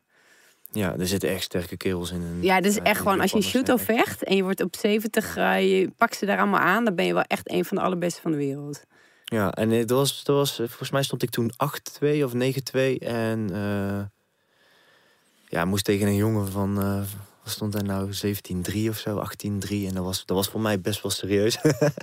en ik dacht, oh, hij is Ja. gewoon de huidige wereldkampioen. Vet, ik, ik ga dit gewoon doen. En eh, eh, tijdens de warming-up, uur van tevoren, overgeven, overgeven. En toen dacht ik, ja, weet je wat? Ik ging gewoon YouTube-filmpjes bekijken met, ehm, ehm, met zo'n eh, star comparison. Mhm. Heb je dat wel eens gezien? Met zo'n met zo'n sterren comparison van hoe klein wij eigenlijk zijn. Dan, dan, dan ga je kijken van hoe groot een mens is. Ja. De aarde. Ja, ja. En dan eh, eh, ons, zon- uitzoomen inderdaad, ons zonnestelsel. En dan met, met, met, de, met de zon erbij. Dat- Die vergelijking is al enorm. En dat is dan één galaxy.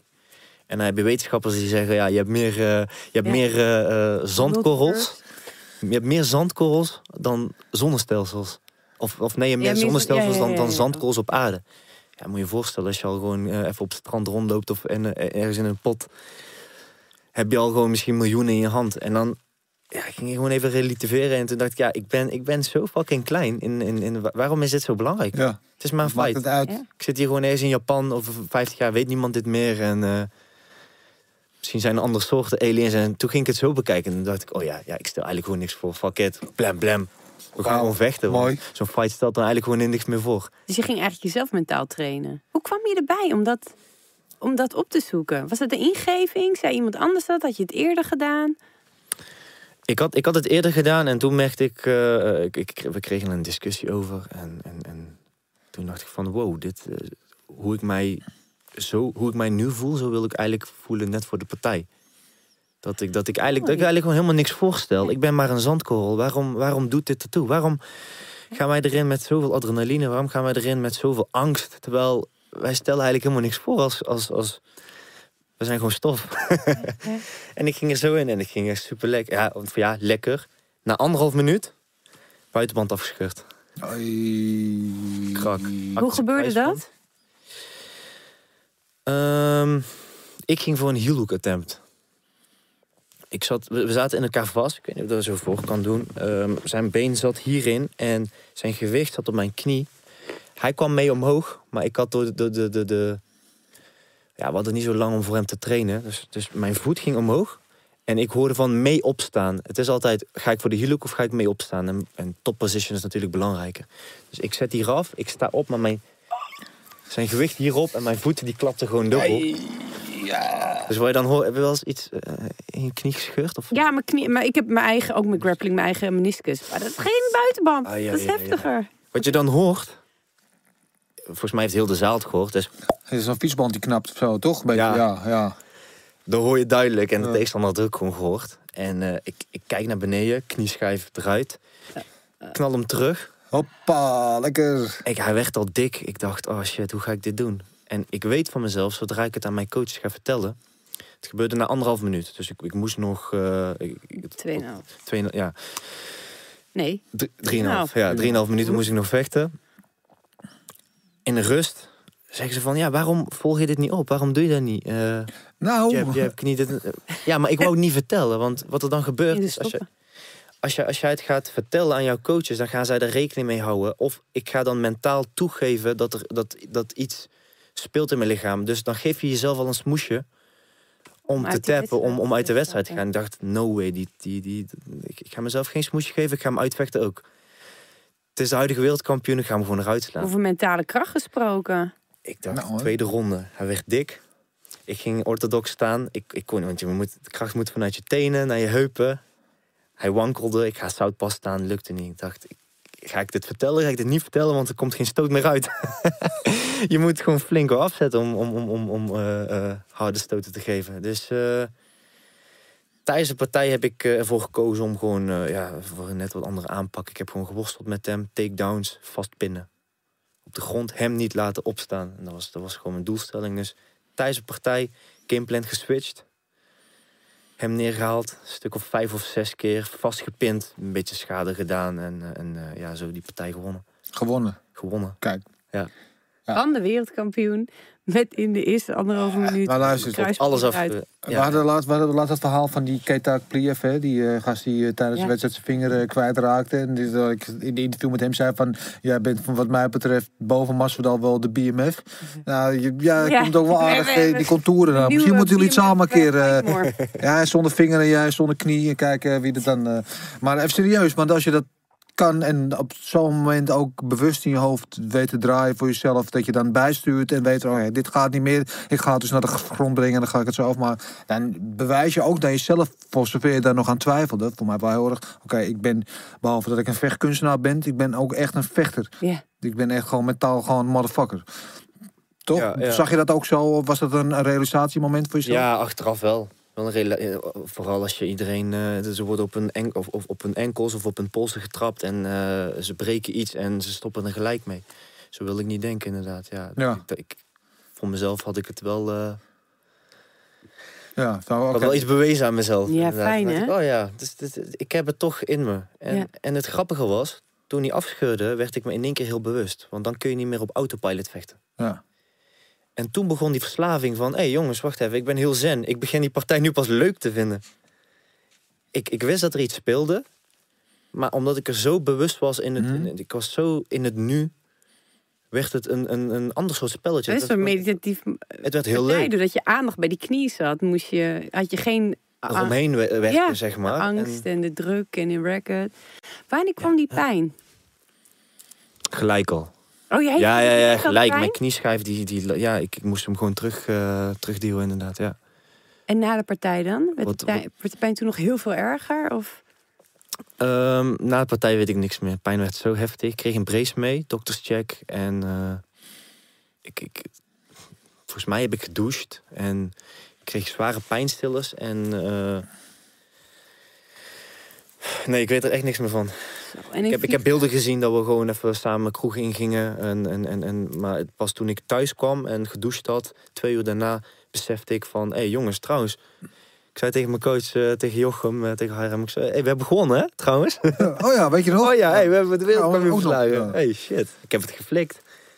Ja. En eh, dus, Ja, dat is gek dat het lichaam, of wat, wat menselijk lichaam volgens mij ook zo geprogrammeerd is dat je dat soort dingen ook gewoon uitschakelt of op een gegeven moment vergeet. Want als je het nog zou herinneren, zou je het waarschijnlijk nooit meer doen in zo'n situatie terechtkomen, toch? Ik denk dat de geest is die het Ja, maar dat, bedoel ik. Ja, maar dus ook zelfde vrouwen hebben dat toch ook als vrouwen bevallen. Wat natuurlijk vaak ook een hele pijnlijke bevalling of, of gebeurtenis is. ja. En, en, de- en de geest is zo geprogrammeerd dat dat wordt uitgeschakeld, die herinnering. Want anders zou een vrouw nooit meer dan een Ja, kind krijgen. Ja, ja. Wat voor de wereldbevolking trouwens niet per se heel slecht zou zijn. ja, want hij, ja, nee, nee, maar hij, hij moet eruit inderdaad. Dus daar denk je niet bij. Nee. Je denkt, daar ben je ook bezig met ademhaling, toch? Ja. Altijd Ja, ja, nou, ik vond- ik ademhaling, vond- de focus ergens anders op leggen. ja, ja. ja. Ja. Nou, maar, ja, Ja, wauw, wat een verhaal. Maar dat, als ik het goed begrijp, dat ook de partij uiteindelijk waar je je Cage Warrior contract mee verdiend hebt, of niet? Eh, nee, eentje, eentje later. Als er nog eentje tussen. Eentje tussen, inderdaad. Ja. want ik kreeg, ik kreeg een knieoperatie. De buitenband die moest vervangen worden. Eh achterste kruisband was ingescheurd. Dus ik moest drie maanden in een brace rondlopen. En toen ja, werd er... Van alles werd vervangen. Werd gezaagd in mijn scheenbeen. Moest, onderbeen moest ook nog recht gezet worden. Lekker man. En ehm, mij werd er verteld dat, eh, dat het ongeveer anderhalf à twee jaar zou duren. Maar jij bent En- een vechter, dus jij dacht... Ik dacht, no way. No way. ja. En misschien kom je niet eens terug op je oude niveau. Ik dacht, nee, dit laat ik me echt niet gebeuren. En toen, toen zat ik al in het mediteren. En ik, ik geloofde ook gewoon heel veel in het visualiseren, manifesteren. Ja. Dat zodra jij iets gelooft, dat jouw cellen daarop reageren. Mm. Ja, van, ik, ik ga dit doen. Ik heb bepaalde frequenties heb ik opgezet. Ik heb, ik heb gemediteerd. Ik heb, ik heb mijn mind. Dat, dat, dat doen ze dan de. Want Je hebt je conscious mind en je subconscious Ja. mind.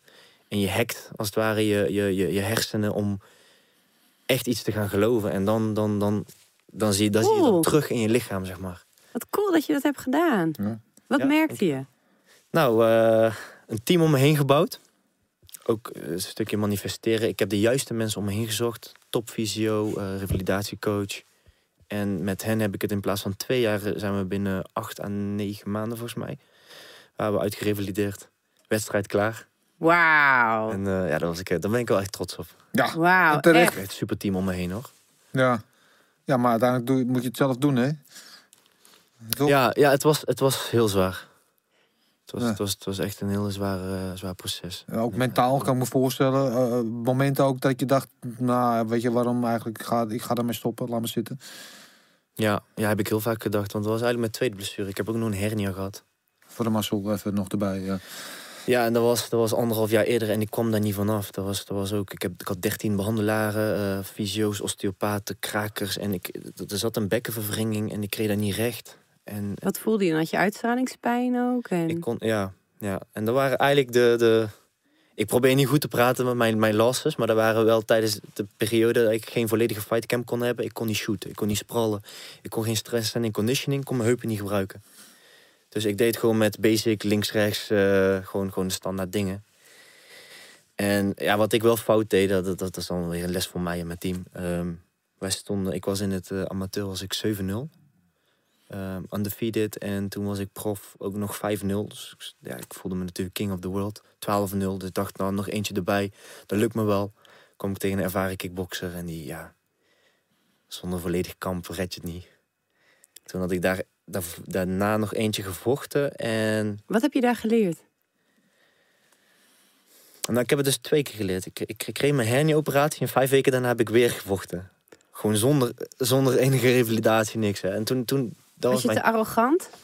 Ja, denk het wel. Ik dacht, dit, dit lukt me wel weer, dit doen we wel weer gewoon. Nou, dit- ik heb het twaalf keer gedaan. 13-0 lukt ook wel. En eh, ja, ik had gewoon die partij niet aan moeten nemen. Nee. Mijn team heeft er ook gewoon heel veel van geleerd. Plus de tweede partij, er waren allebei decision. eh, Ja, je hebt maar twee Losses. keer verloren en twee keer op decision. ja, en dat was rondom mijn blessure. En daarna heb ik nooit meer verloren. Dat, eh, Heb je dat nodig gehad om eh, je visie op vechten bij te stellen? Ja, want die los was zo pijnlijk. Was, eh, Ja, we hebben daar veel uit gehaald, inderdaad. Ja, Was het ja, pijnlijk is omdat je verloor of de manier waarop je verloor? Pijnlijk omdat ik niet hoefde te verliezen. Kijk, als ik nou echt zwaar KO ga of, of, of, of echt eh, eh, een, een punching bag ben of, of gewoon echt niks te vertellen had, dan maakt het me eigenlijk om me niet uit. Dan denk ik, oké, ik heb verloren, maar het lag gewoon niet aan skills. Dat vind ik, dat, dat, dat vind ik het jammer. Ja. Ja, misschien was ik nog steeds aan de vierde, wie weet, maar... Misschien was ik nog steeds undefeated. Maar ja, dat zijn wijze lessen die je meeneemt. En, en ik ben blij dat ze... Dat ze Maar misschien heb je Dat ook is zo toe nodig, toch? Even die stap terug om weer twee stappen vooruit te kunnen maken. Ik bedoel, als je kijkt waar je nu staat in je carrière. eh Case Warriors kampioen, je, je belt al een keer verdedigd eh, eh, onlangs. Ehm, toch, dan heeft het je uiteindelijk weer veel goeds gebracht. Wie zegt dat dat anders was gebeurd zonder... die- ja, ja, zeker. Ja, ja, ja dat klopt. Ja, Dat je gegroeid bent als martial artist. eh, dat denk ik ook, ja. is. Ja, overal Ja. haal je lessen uit, inderdaad. Ja. En toen na die Japan-partij, eh, even terugkomen op wat je vroeg. ehm, ja, ik was uitgerevalideerd. Maar ja, geen partij, corona. Oh ja. Ja. had er dan ook weer mee. En de, de, de toporganisaties, ja, die blijven natuurlijk organiseren. Je hebt Abu Dhabi, dit en dat. De rijkere organisaties, die, die, ja, daar kon je gewoon nog voor blijven vechten. Maar ja, één stap daaronder, ja, Was er niks. Nee. En toen kreeg ik een telefoontje van mijn manager, Eddie Coutinho, van... eh, wil je een toernooi vechten? Ja, mijn leven had op dat moment geen... geen, geen ik, ik, ik werd zo depressief, want tijdens, tijdens het revalideren... werd ik, ik zat in een rolstoel, in de krukken lopen... en ik dacht van, oh nee, here we go again. En misschien lukt het niet, misschien kom ik niet op mijn oude niveau terug. En, en, en uiteindelijk toch gelukt. En dan, en dan eh, Ja. heb je geen partijen. Dan, dan. Ben je klaar, staat de wereld stil. ja, Ja. ja. precies. Dus dat was, eh, dat was dubbel inderdaad. Ehm, En dan blijft natuurlijk ook al die twijfel van... ben je wel weer terug op je oude niveau? Want dat weet je Ja. pas als je het kan testen. dat weet je pas als je het kan testen inderdaad. En, Ja. ja. toen, kreeg, toen kreeg ik de vraag of ik, eh, of ik een eh, toernooi kon vechten. Een viermans toernooi in Duitsland was dat. Twee fights op één avond. En toen dacht ik, ja, het is eigenlijk best wel een privilege om tijdens coronatijd gewoon te mogen vechten. We het gewoon doen. Weet je wel, laat heel die record maar zitten. We gaan gewoon, we gaan gewoon vechten. En, en als ik nu verlies, ben ik toch niet UFC-waardig. Dus, dus laten we het gewoon doen. En eh, ja, vanuit karate ook gewoon... Ik was toernooivechter, was van vijf, zes partijen op een dag. Was wel anders. Weet je, niet geëlleboogd, maar... Nou, het is wel grappig. Eh, oh, die ene... Oh, ik, Marloes weet weer zijn naam eh, niet, dus ik waarschuw jullie even allemaal. Wat een leuke riddle. Hij vocht in, in Bellator, middleweight kampioen. En hij komt uit BE. Gergers heeft van hem verloren. In Bellator. Ja, Oh, eh, Lovato? ja. Ja. Dat was zijn voornaam ook alweer. Uh, nou, Lovato in ieder geval. Die zei ook... Demi Lovato. Ja, Rafael? Nee, ook niet. Anyway, eh, in de comments hoor het graag. Ja, Dennis leest de comments, ik niet niet. Maar ehm, wat hij zei was... ehm, dat als hij BJ-wedstrijden vroeg, hij zegt... Ja, dat, dat was eigenlijk ook best wel zwaar, want... eh, je, inderdaad, je krijgt geen trappenknieën, eh, noem maar op. Maar je moet je wel opwarmen en dan word je weer koud. Je moet je opwarmen en je wordt je weer koud. En als je dat vijf keer op een dag doet, is dat best wel zwaar. Terwijl met MMA is het één keer pieken en dan ben je klaar. Hoe zie jij dat dan? Want jij zegt nu van ja, karate was ik al gewend. Was eigenlijk, ja, ik kreeg geen klappen. Ik, maar ja, ik durfde het aan omdat ik het gewend was. ja, Ik oh. wist, ik wist eh, hoe het spelletje in elkaar zat inderdaad. Maar als ik dat nog nooit had gedaan, ja... I don't know, wanneer, wanneer eh, zijn daar, eh, is er uitgeschreven? Is dat, dat is ook een beetje nieuw, hè? Dat is niet echt... Dat is een beetje op feeling. Net als het weetkutten van tegenwoordig. Je, ja, ik zou het dan niet weten, maar ik ging er best wel confident in. En hoe was het dan achteraf? Was het net Eh. zoiets als met karate? Qua... Ja, precies hetzelfde qua, qua warming-up en zo. Tussen gevecht 1 en 2, daar zat anderhalf uur tussen. Eh, bij karate mocht je dan, ja, daar zat dan minder, minder tijd tussen. Bij grappling toernooien ook. Maar eh, ik, ik was gewoon super warm, dus ik hoefde, ik hoefde niet nog eens te pieken, zeg maar, met dat petsen. Hard, hard te petsen, hard te trappen. Gewoon, gewoon een klein warming-upje en, eh, en weer erin. En hoe was het mentaal dan? Die eerste verschil tussen partij 1 en partij 2. Mm, same, daar heb, daar heb ik niet echt bij stilgestaan. Dat, Het was eh, niet zo van dat die bij die eerste heb je nog spanning en bij die tweede denk je, hoppa, we gaan ervoor. Ja, trouwens niet zeg. Ja, ja, ja. Ja, klopt. De eerste, dat was, dat was zo'n fijn gevecht. Ik dacht, oh yes. Ik kwam er echt eh, heel blij uit, zeg maar. Ik had die gefinished in de tweede ronde. En de tweede partij eh, ja, ging er gewoon inderdaad wel wat relaxed erin.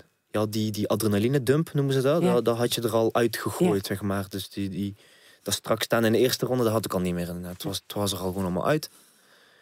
Vocht wel relaxter. En tweede ook gewonnen. Dus gewoon vier mans toernooi op mijn naam gezet in coronatijd.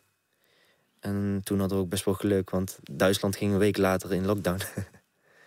dus eh Moet zo zijn. Ja. moest zo zijn, precies. Ja, ik, ik, dat, dat, ik denk dat dat ook misschien weer de power of eh, manifesting is. Gewoon visualiseren en, en gewoon hopen dat het gewoon op je pad komt en de, de, het universum zijn werk laten doen. Het moest gewoon zo zijn, want de tweede keer toen ik werd gebeld door Eddie weer... hey, we mogen voor de titel Cage Warriors. Hoppa. Je hebt recent twee fights, twee finishes op je naam gezet. Je Ja. eh 12-2. Een van de beste records in Europa. Dus eh ja, we gaan voor de titel. Yeah, let's do this. En, Tegen een eh, hele goede grond, jongen. Hoe, hoe heb je hem geanalyseerd voor die partij? met mijn team alles van bekeken. Eh, hij had ook wel Polaris fights, grappling toernooien en, en, en ehm, ehm, trainde ook een keer bij, volgens mij heeft hij een fightcamp gehouden bij, in Breda bij, mijn- bij mijn vriend Pieter. Beetje rondgevraagd, partijen bekeken. Ehm, het was echt een goede grappler. Als, ik, als het een grapplingpartij was, had ik gewoon van hem verloren. Dat zeg ik eerlijk. Ja, maar dat was het niet. Het was, Dat MMA. Het was, ja, het was, het was Dus. hij was, hij, was, hij was echt gewoon... Eerste ronde, ja, ik dacht, wanneer shoot hij nou? Want hij had van zijn, wat was het, 16... 16 wins, 17 wins, had hij 14 in de eerste ronde. Dus ik dacht, kan hij doseren? Gaat hij niet doseren? Eh, gaat hij gelijk voor de finish? Probeert hij gelijk, ja. ja, precies. Dacht, alle partijen gingen hier zo in. Dus de eerste, eerste ronde was gewoon heel, heel veel afwachten. Wanneer gaat hij shooten, wanneer gaat hij shooten. Hij was vooral van. heel wild, hè, staande. Hij raakte je niet. Nee. Ja, zijn, zijn volume was best wel eh hoog. Ja, maar als Hij je, wel... als je keek wat hij deed... Hij deed een vliegende knie, nou, die kwam niet aan. Eh, alles wat hij gooide, blokte jij. Ik wil zeggen, de- was dat de karateblok die je daar deed? Heel, eh, ja, Ja, ik, ik, ik, ik, ja, ik, ik mix het. Van alles wat ik een beetje kan. Karate, MMA, blok. Soms doe ik wel eens deze. En soms... ik doe ook wel eens... Sta ik in een partij, doe ik dit. en dan blok ik. En dan zie je gewoon precies een vuist in mijn Oh, elleboog lekker. gaan. Ja. Maar... Was dat, was, eh, hoe heb jij dat ervaren? Want als, als ik er naar keek, dacht ik, nou, dat was voor jou... eh, Je hebt alles geblokt. Eh, Heb jij dat ook zo ervaren in die eerste ronde? Ja, ja, ja, zeker. Het was de eerste ronde nog heel veel zoeken, zoeken, zoeken. Maar heel veel blok inderdaad. Hij vond dat hij die eerste ronde had gewonnen. Ik vond dat ik hem had gewonnen. Want alles wat ik gooide, raakte ik. Dus was het, je, je, je had kwalitatieve output. Het was niet veel. Het was niet veel inderdaad. Maar wat je deed was, was kwalitatief, was snel en hard en goed gemikt, ja. Ja, ja we, hadden, we hadden gewoon echt een solid gameplan. Benen uitschakelen. Had echt flinke benen. Joh. Hij had ook bloed toch aan zijn scheen, zag ik dat nou goed? Ja, ja, ja. En uiteindelijk zijn de binnenkant van zijn, van zijn eh, been was gewoon helemaal bont en blauw. Joh. Echt Ja. paars. Helemaal, eh, helemaal kapot getrapt. Volgens mij meer dan 30 low kicks gegeven. Lekker. En, eh, ja, dat liep lekker. Ik, ik heb me gewoon aan mijn gameplan kunnen houden. En, en eh, die partij zo naar me toe getrokken. Ja, En- zeker aan het, aan het einde toen hij... Want hij, hij brandde snel op in die eh, eh, eerste twee rondes. En daarna zag je dat jij nog heel veel energie had. En toen ging het grappelen ook. Eh, hoe, hoe voelde dat toen je met hem ging grappelen? Hij had wel mooie submission attempts. Ja, hij had wel mooie submission attempts, ja. En eh, ik, vond- het gekke vond ik dat hij toen pas bij mij begon te grappelen. Toen hij moe werd, ging hij terug naar zijn, zijn, zijn, comfortzone. Ja. Ja. Ja, en toen merkte hij van, oh, ik heb genoeg energie. Dus ik blokte, blokte zijn take. Ik, ik, volgens mij had ik twee of drie takedown defenses. Ja, je- jij domineerde, vond ik. Hij probeerde wel allemaal dingen, maar niks lukte. En toen, ja, ja, en toen, toen zag ik inderdaad dat hij juist afbrak. Want het, het goede wat hij juist kon, juist waar hij goed in is, dat, dat, hij kon me niet naar de grond krijgen. Dus dan houdt het al op. Gaf jou dat energie toen, toen je dat merkte? Heel veel, ja. Want ik, ik, ik, ik had het gevoel dat ik wel eh, werd gehaald om te verliezen. Het is natuurlijk een Engelsman, die, die, die heeft al eh, vijf, zes keer Cage Warriors gevochten. Goed record. En ze willen altijd mensen bouwen naar, voor, voor, voor in de UFC. Ja, ik kwam daar en eh, het, was, het was mijn debuut. En ik mocht gelijk voor de titel. Dat was nog nooit voorgekomen. Dat was voor het het first time in history. En als ik hem had gepakt, dan zou ik de eerste Nederlandse lightweight ever zijn... die op zijn debuut ook gewoon eh, de titel pakt. Dus dat was voor mij best wel speciaal. Ja. Ja, en dan, dan al de eerste Nederlandse lightweight eh, Cage Warriors. Vol- Volgens mij had Moustassi hem op middleweight, hè? Dat was de eerste Nederlander ooit en ik dan de, de, de, de tweede. Zijn een Eerste mooi rijtje. Ja, ik vind dat, dat is wel een honor inderdaad. Cage Warriors is best wel... ja, Bisping, Joanna, Conor McGregor, die komen ja, er het komt heel veel. En, en, en, en nog steeds laatst is natuurlijk eh, Paddy Pimblett eh, nog naar de UFC gegaan. Moet nog zijn debuut maken. Maar het is natuurlijk een constante soort van eh, talentenpool eigenlijk voor de UFC geweest. Misschien wel een van de grootste Europese organisaties überhaupt. Dus samen met, met, met KSW eh, eh, dan in Oost-Europa. Ja. Dan word je kampioen. Heb je dan voor jezelf het gevoel... oké, ik ben nu kampioen van een grote organisatie. Ik ben nu ergens. Ik, het is, er verandert nu van alles voor mij. Of Ja, er veranderde wel veel inderdaad. We gingen het gewoon eh, qua team ook veel professioneler aanpakken. En, en ja, de UFC Dream die was gewoon dichtbij. hoe dicht Mensen, Ja, Ehm, nou, ik sprak mensen van de organisatie en, en zij zijn trots op wat, wat zij qua talenten eh, eh, naar de UFC toeschuiven. Dus de, alle kampioenen die gaan van, van, van, van Cage Warriors naar eh, UFC toe. Ja, jij bent kampioen, dus. Ik ben kampioen, ja, en ik, had geteken, ik heb getekend voor vier fights. dus je heb moet er nog nu- twee. Ja, om, om het contract uit, eh, uit te zitten, Maar? inderdaad. Maar, ja, Ja, gelijk. we gaan het zien, we gaan het zien. De primeur Nee, nee, je weet meer, vertel. Je speelt al wat, er zijn al gesprekken, er wordt Ja, al een beetje afgetast. ja. Maar je mag nog niks zeggen. Ehm, We mag ook... de laatste fight was niet zo dominant. Nee, Ehm, dus ik, ik wil voor mezelf even een, een, een duidelijke finish. Ik wil, ik wil echt dominant afsluiten. Dus ik ga in juni nog een keer voor Cage Warriors vechten. En dan... Is, is die datum al... staat Ja. die al vast? Trilogy is inderdaad al bekend. Volgens Oké, mij was het welke datum wordt dat? 4, 25 en 26 juni. Ah, oké, mooi. Eind juni. dagen. Ja, eind Ja. juni.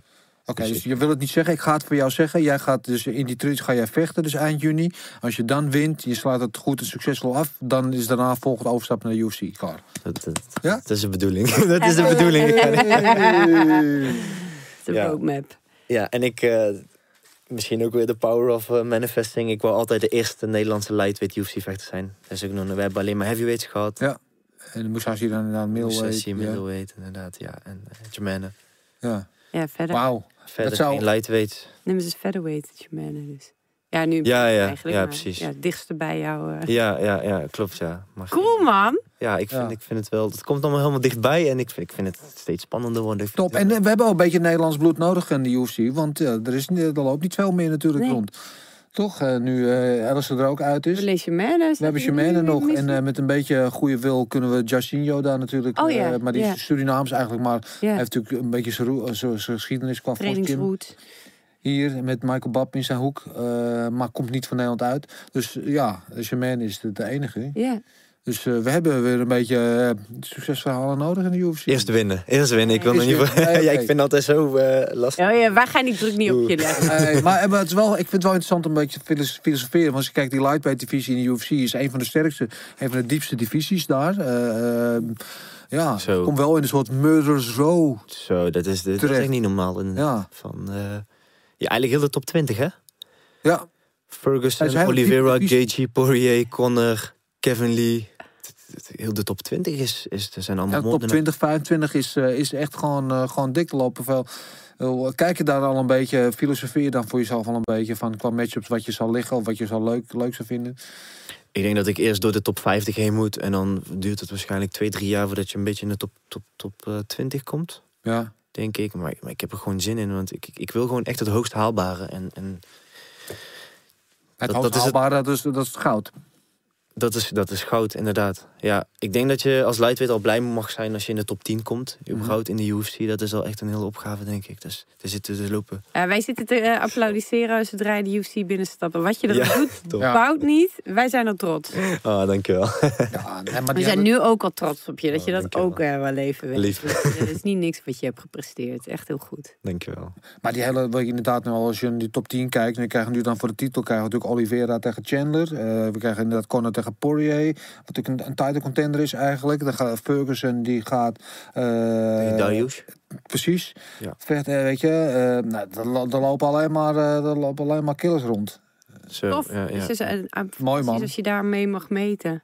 Ja, Dat is toch die grote droom, hè? Dat taakgerichte. Ja, ja, Meten. Kijk maar wat er gebeurt en hoe ontwikkel je. ja, ja, precies. Ja.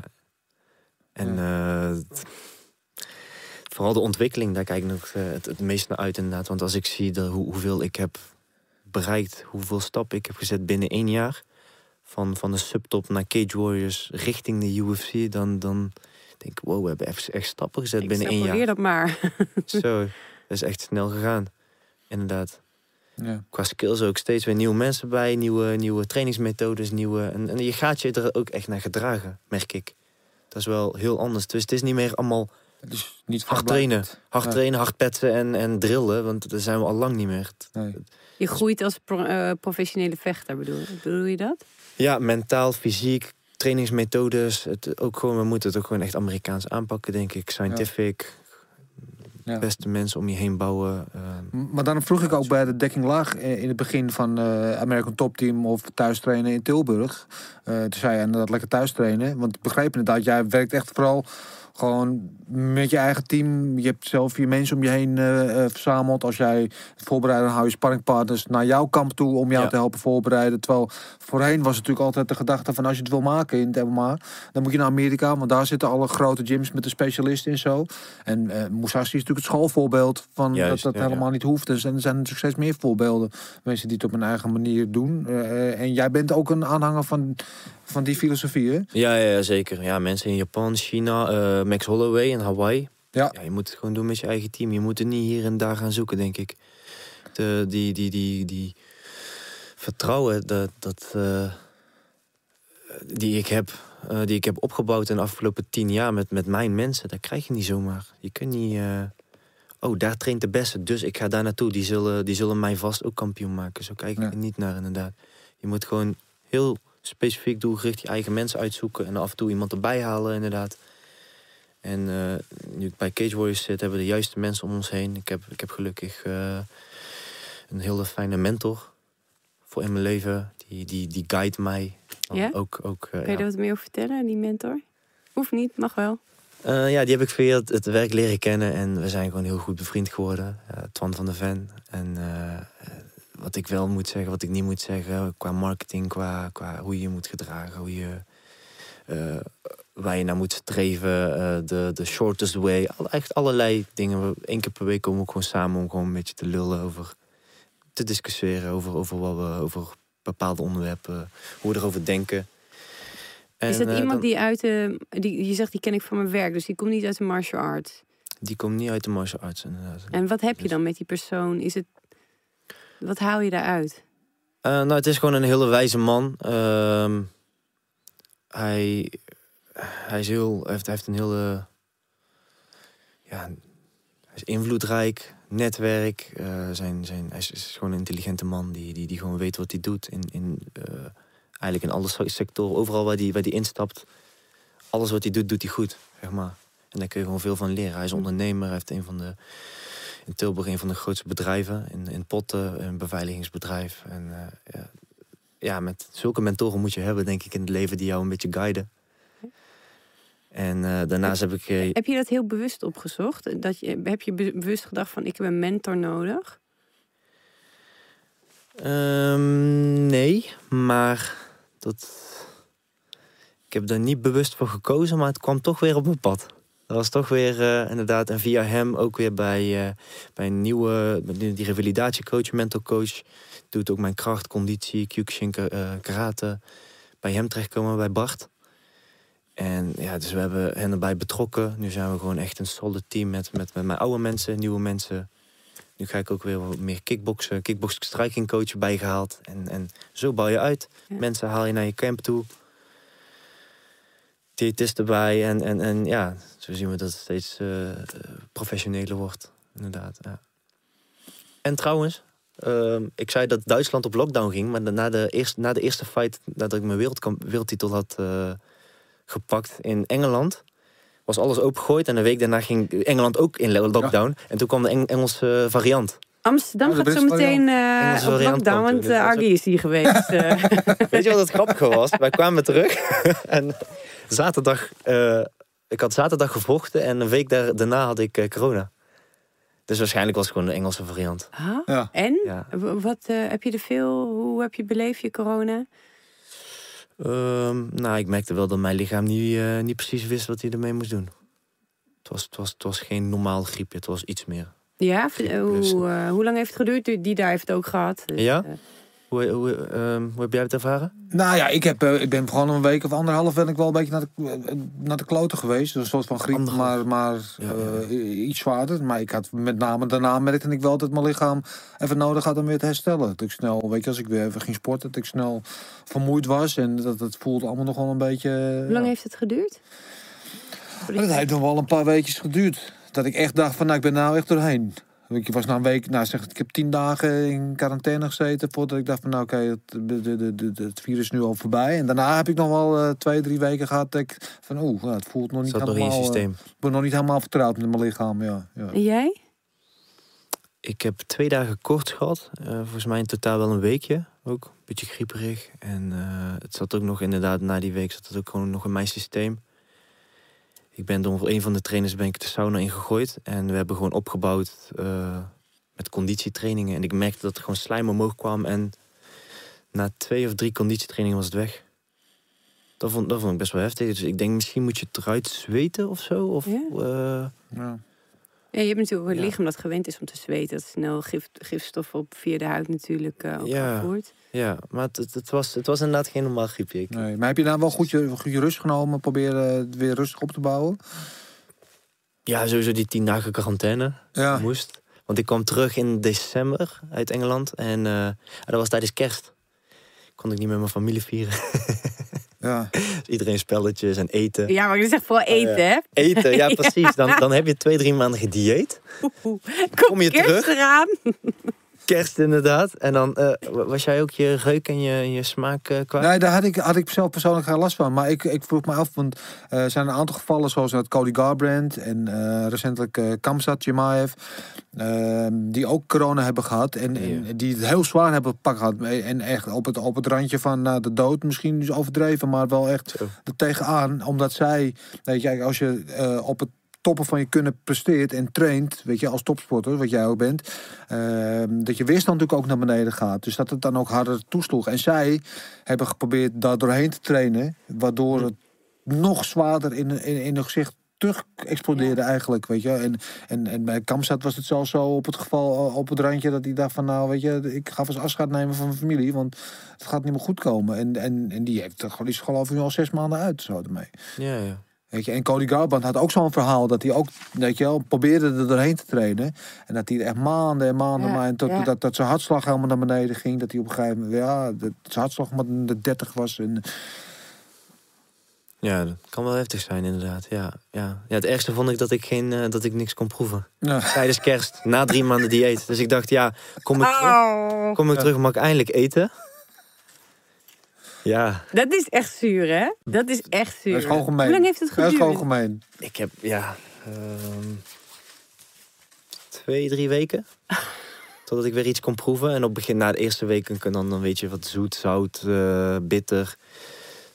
Basic dingen proef je dan. Maar eh, de eerste week was het gewoon... De broccoli was hetzelfde als een cheesecake. Dus ik kon net zo goed gewoon niet eten. Ik kon heel te water drinken. Het was gewoon allemaal hetzelfde. Ik dacht, ik bestel een keer lekker eten. Zet maar voor de deur neer. Erg. Dan ben ik overigens wel gek op. Ben je nog afgevallen na je partij? Doordat je niks kon eten? Of in ieder geval niks proefde? Ja, ja, ja. Ja, een paar kilo inderdaad. Ja, Ja, ja, geloof ik. klopt. Ja. Ja, ja, En die- ik kwam ook best veel uit. Ik kon ook niet veel eten. Ik was, ik was heel grieperig en dan heb je ook gewoon geen zin om te eten. Nee. Ik heb het gewoon met vitaminepil opgelost. En... Ja, die- luxe had ik, had ik helaas niet. Ik eh, proefde alles en dat heb ik ook heel veel gedaan. Want dat is het enige wat ik heb. Die hele, Ja. ik, nou, serieus, in die hele quarantaine, ik alleen maar zitten vreten. Ja, Ja? ja, ja dus eh Ja, maar dat is dan lekker toch? Want dan, dan, dan wil je gewoon thuis lekker chipje erbij, Netflix. Want was je, liever pak kilo af. je mag gewoon, Ja. dan mag het eindelijk een keer. ja, dat is ook weer waar. Ja. Dat is ook weer waar. Hey, eh, zullen we naar de tijdmachine gaan? What we're gonna do right here is go back, way back, back in time. I'll be back.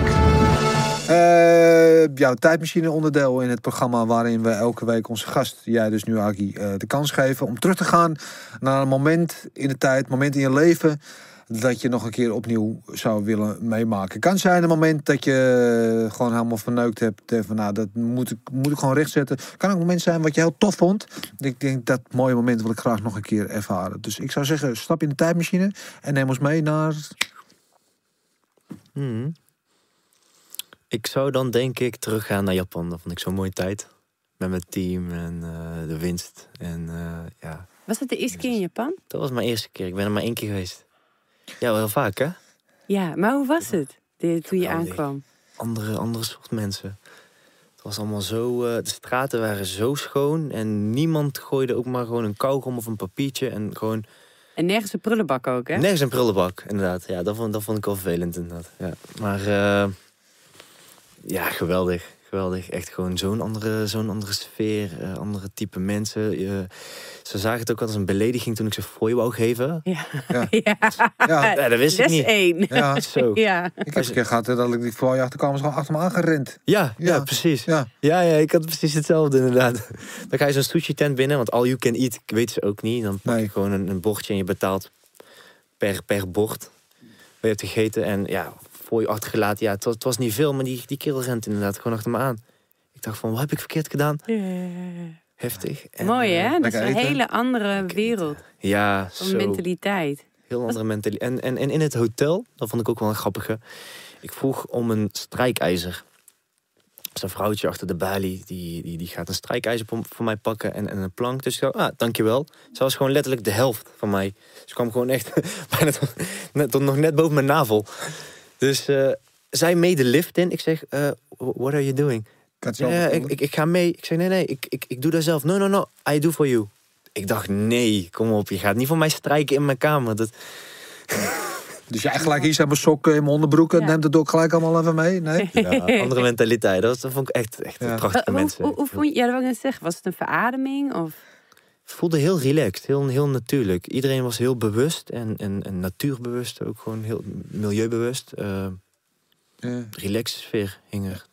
En hoe vond je de benadering van jou als martial artist daar? Want er wordt ook, ook heel anders naar gekeken dan hier.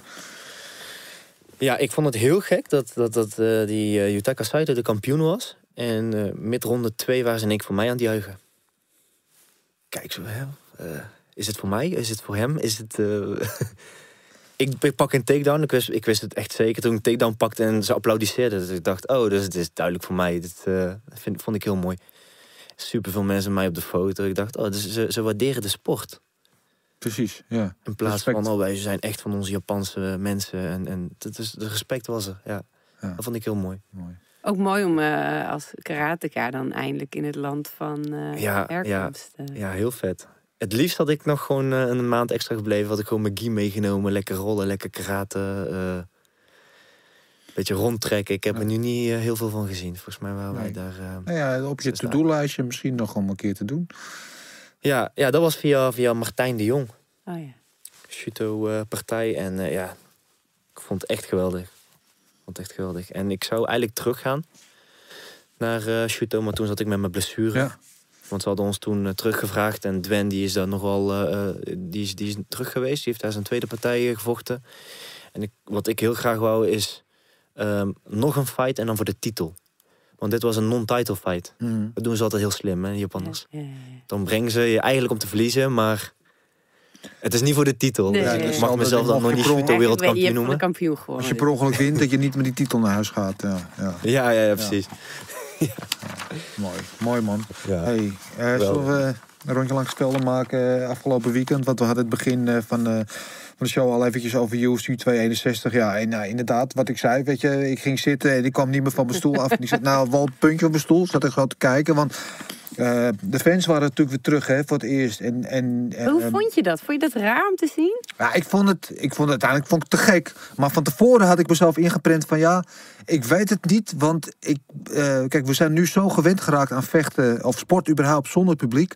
En ik zag er wel de voordelen van. Want Ja. eh, je hoort de hoeken heel erg, je hoort wat de vechters tegen elkaar zeggen. Dus je bent, ik voor mijn gevoel als televisiekijker, voelde me veel meer betrokken in het gevecht. Omdat ik zoveel beter kon horen wat er allemaal gebeurde. Dus ik dacht, nou, oké, ik voel me nu meer alsof ik daar aan die kooi Ja, zit. Ja. Dus ik zag daar die voor- voorbeelden van. Dus ik dacht van, nou, komt het publiek weer, wordt ook weer heel andere, andere energie. Maar luister, die wedstrijd begint, of dat evenement begint, de early prelims, om 12 uur eh, was het. Dus nou, zo kwart over 12 stonden de eerste twee dames in de kooi. Dus eh, een eh, Chinese dame, Liang Na, tegen eh Braziliaanse dame. Die zag een soort als een mini-versie van Gabi Garcia. Echt nou, Hm, ja, die heb ik ook nog biceps zo. Dat ik denk van, nou, dat, weet je, daar zijn we met z'n allen jaloers op. En die begonnen, en er zaten niet zoveel mensen in de zaal hoor. Het was misschien voor een derde gevuld of zo. Die zaal begon ze een beetje te vullen. En, en, maar de zaal stond gelijk op de kop. En die energie die werkte door op die vechters. Dus van, gelijk vanaf de eerste spel was gewoon compleet mayhem in die, in die Dus je kooi. ziet dat ve- vechters beter gaan vechten. hè? Ja, dat nou, in ieder geval anders. Het laat zich ook beïnvloeden door... door, door ja, het het geeft ook energie. En voor sommigen werd gejuicht, voor sommigen werd geboet, weet je. Maar ja, er zat wel toch wat meer eh venijn en af en toe misschien ook wat meer zenuwen. Dat ze toch die Ja. zenuwen voor de eerste keer weer het publiek vechten. Of de eerste keer überhaupt voor de UFC vechten. En, maar het was gewoon van, van top to bottom. Die hele kaart eh, was gewoon fantastisch. En, en weet je, en aan die mainkaart eh eh, gebeurde natuurlijk de gekste dingen. Eerst met Anthony Smith, die die low kick geeft. En dat die gozer zijn been, bij Jimmy Crute zijn been gewoon ermee stopte. Toen Chris Whiteman, wat natuurlijk ja, heel akelig was. Hè, met, Oh, man. Oh, daar kan ik echt niet tegen. Nee. Heel heftig. Ja. Ja, en het rare was, hij eerder met eh Anderson Silva was hij degene die eh, Precies. blokte. Dus eh, Twee keer bij betrokken. Hoe dan? bij de meest Ja. rare... En dan, en dan Nou. tegen Uriah Hall, die op een gegeven moment de UFC inkwam als de nieuwe en Anderson Silva. Die in zijn laatste partij eh, eigenlijk Anderson Silva weer knockouts. Weet je, die hele cirkel was zo. mindfuck. mind is blown. Ja. Ja, ja, ja, Ja. precies. Ja, maar toen die drie titelgevechten. Ah, gauw. Heb je gekeken? Zo, zeker. Ja, En in wat de ochtend. vertel, wat vond je van eh Rose, zo. eh, Shevchenko? Daar beginnen we mee.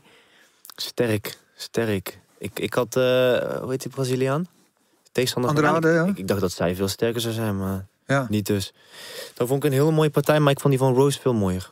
Ja. Eerlijk gezegd. Dat, eh, ik dacht eigenlijk zelf ook dat het een midkick zou worden. Ja. Dus ik snap de reactie dat, dat, dat zij een beetje... Ze ging al wat, wat Maar ze ging ook een beetje zo eerst. Hè? Ze maakt zo van Ze schijnbeweging. maakte een schijnbeweging. Ik dacht, oké, dit wordt een tip. Een, een Maigeri of een, of een eh lichaamstrap Ja. of zo.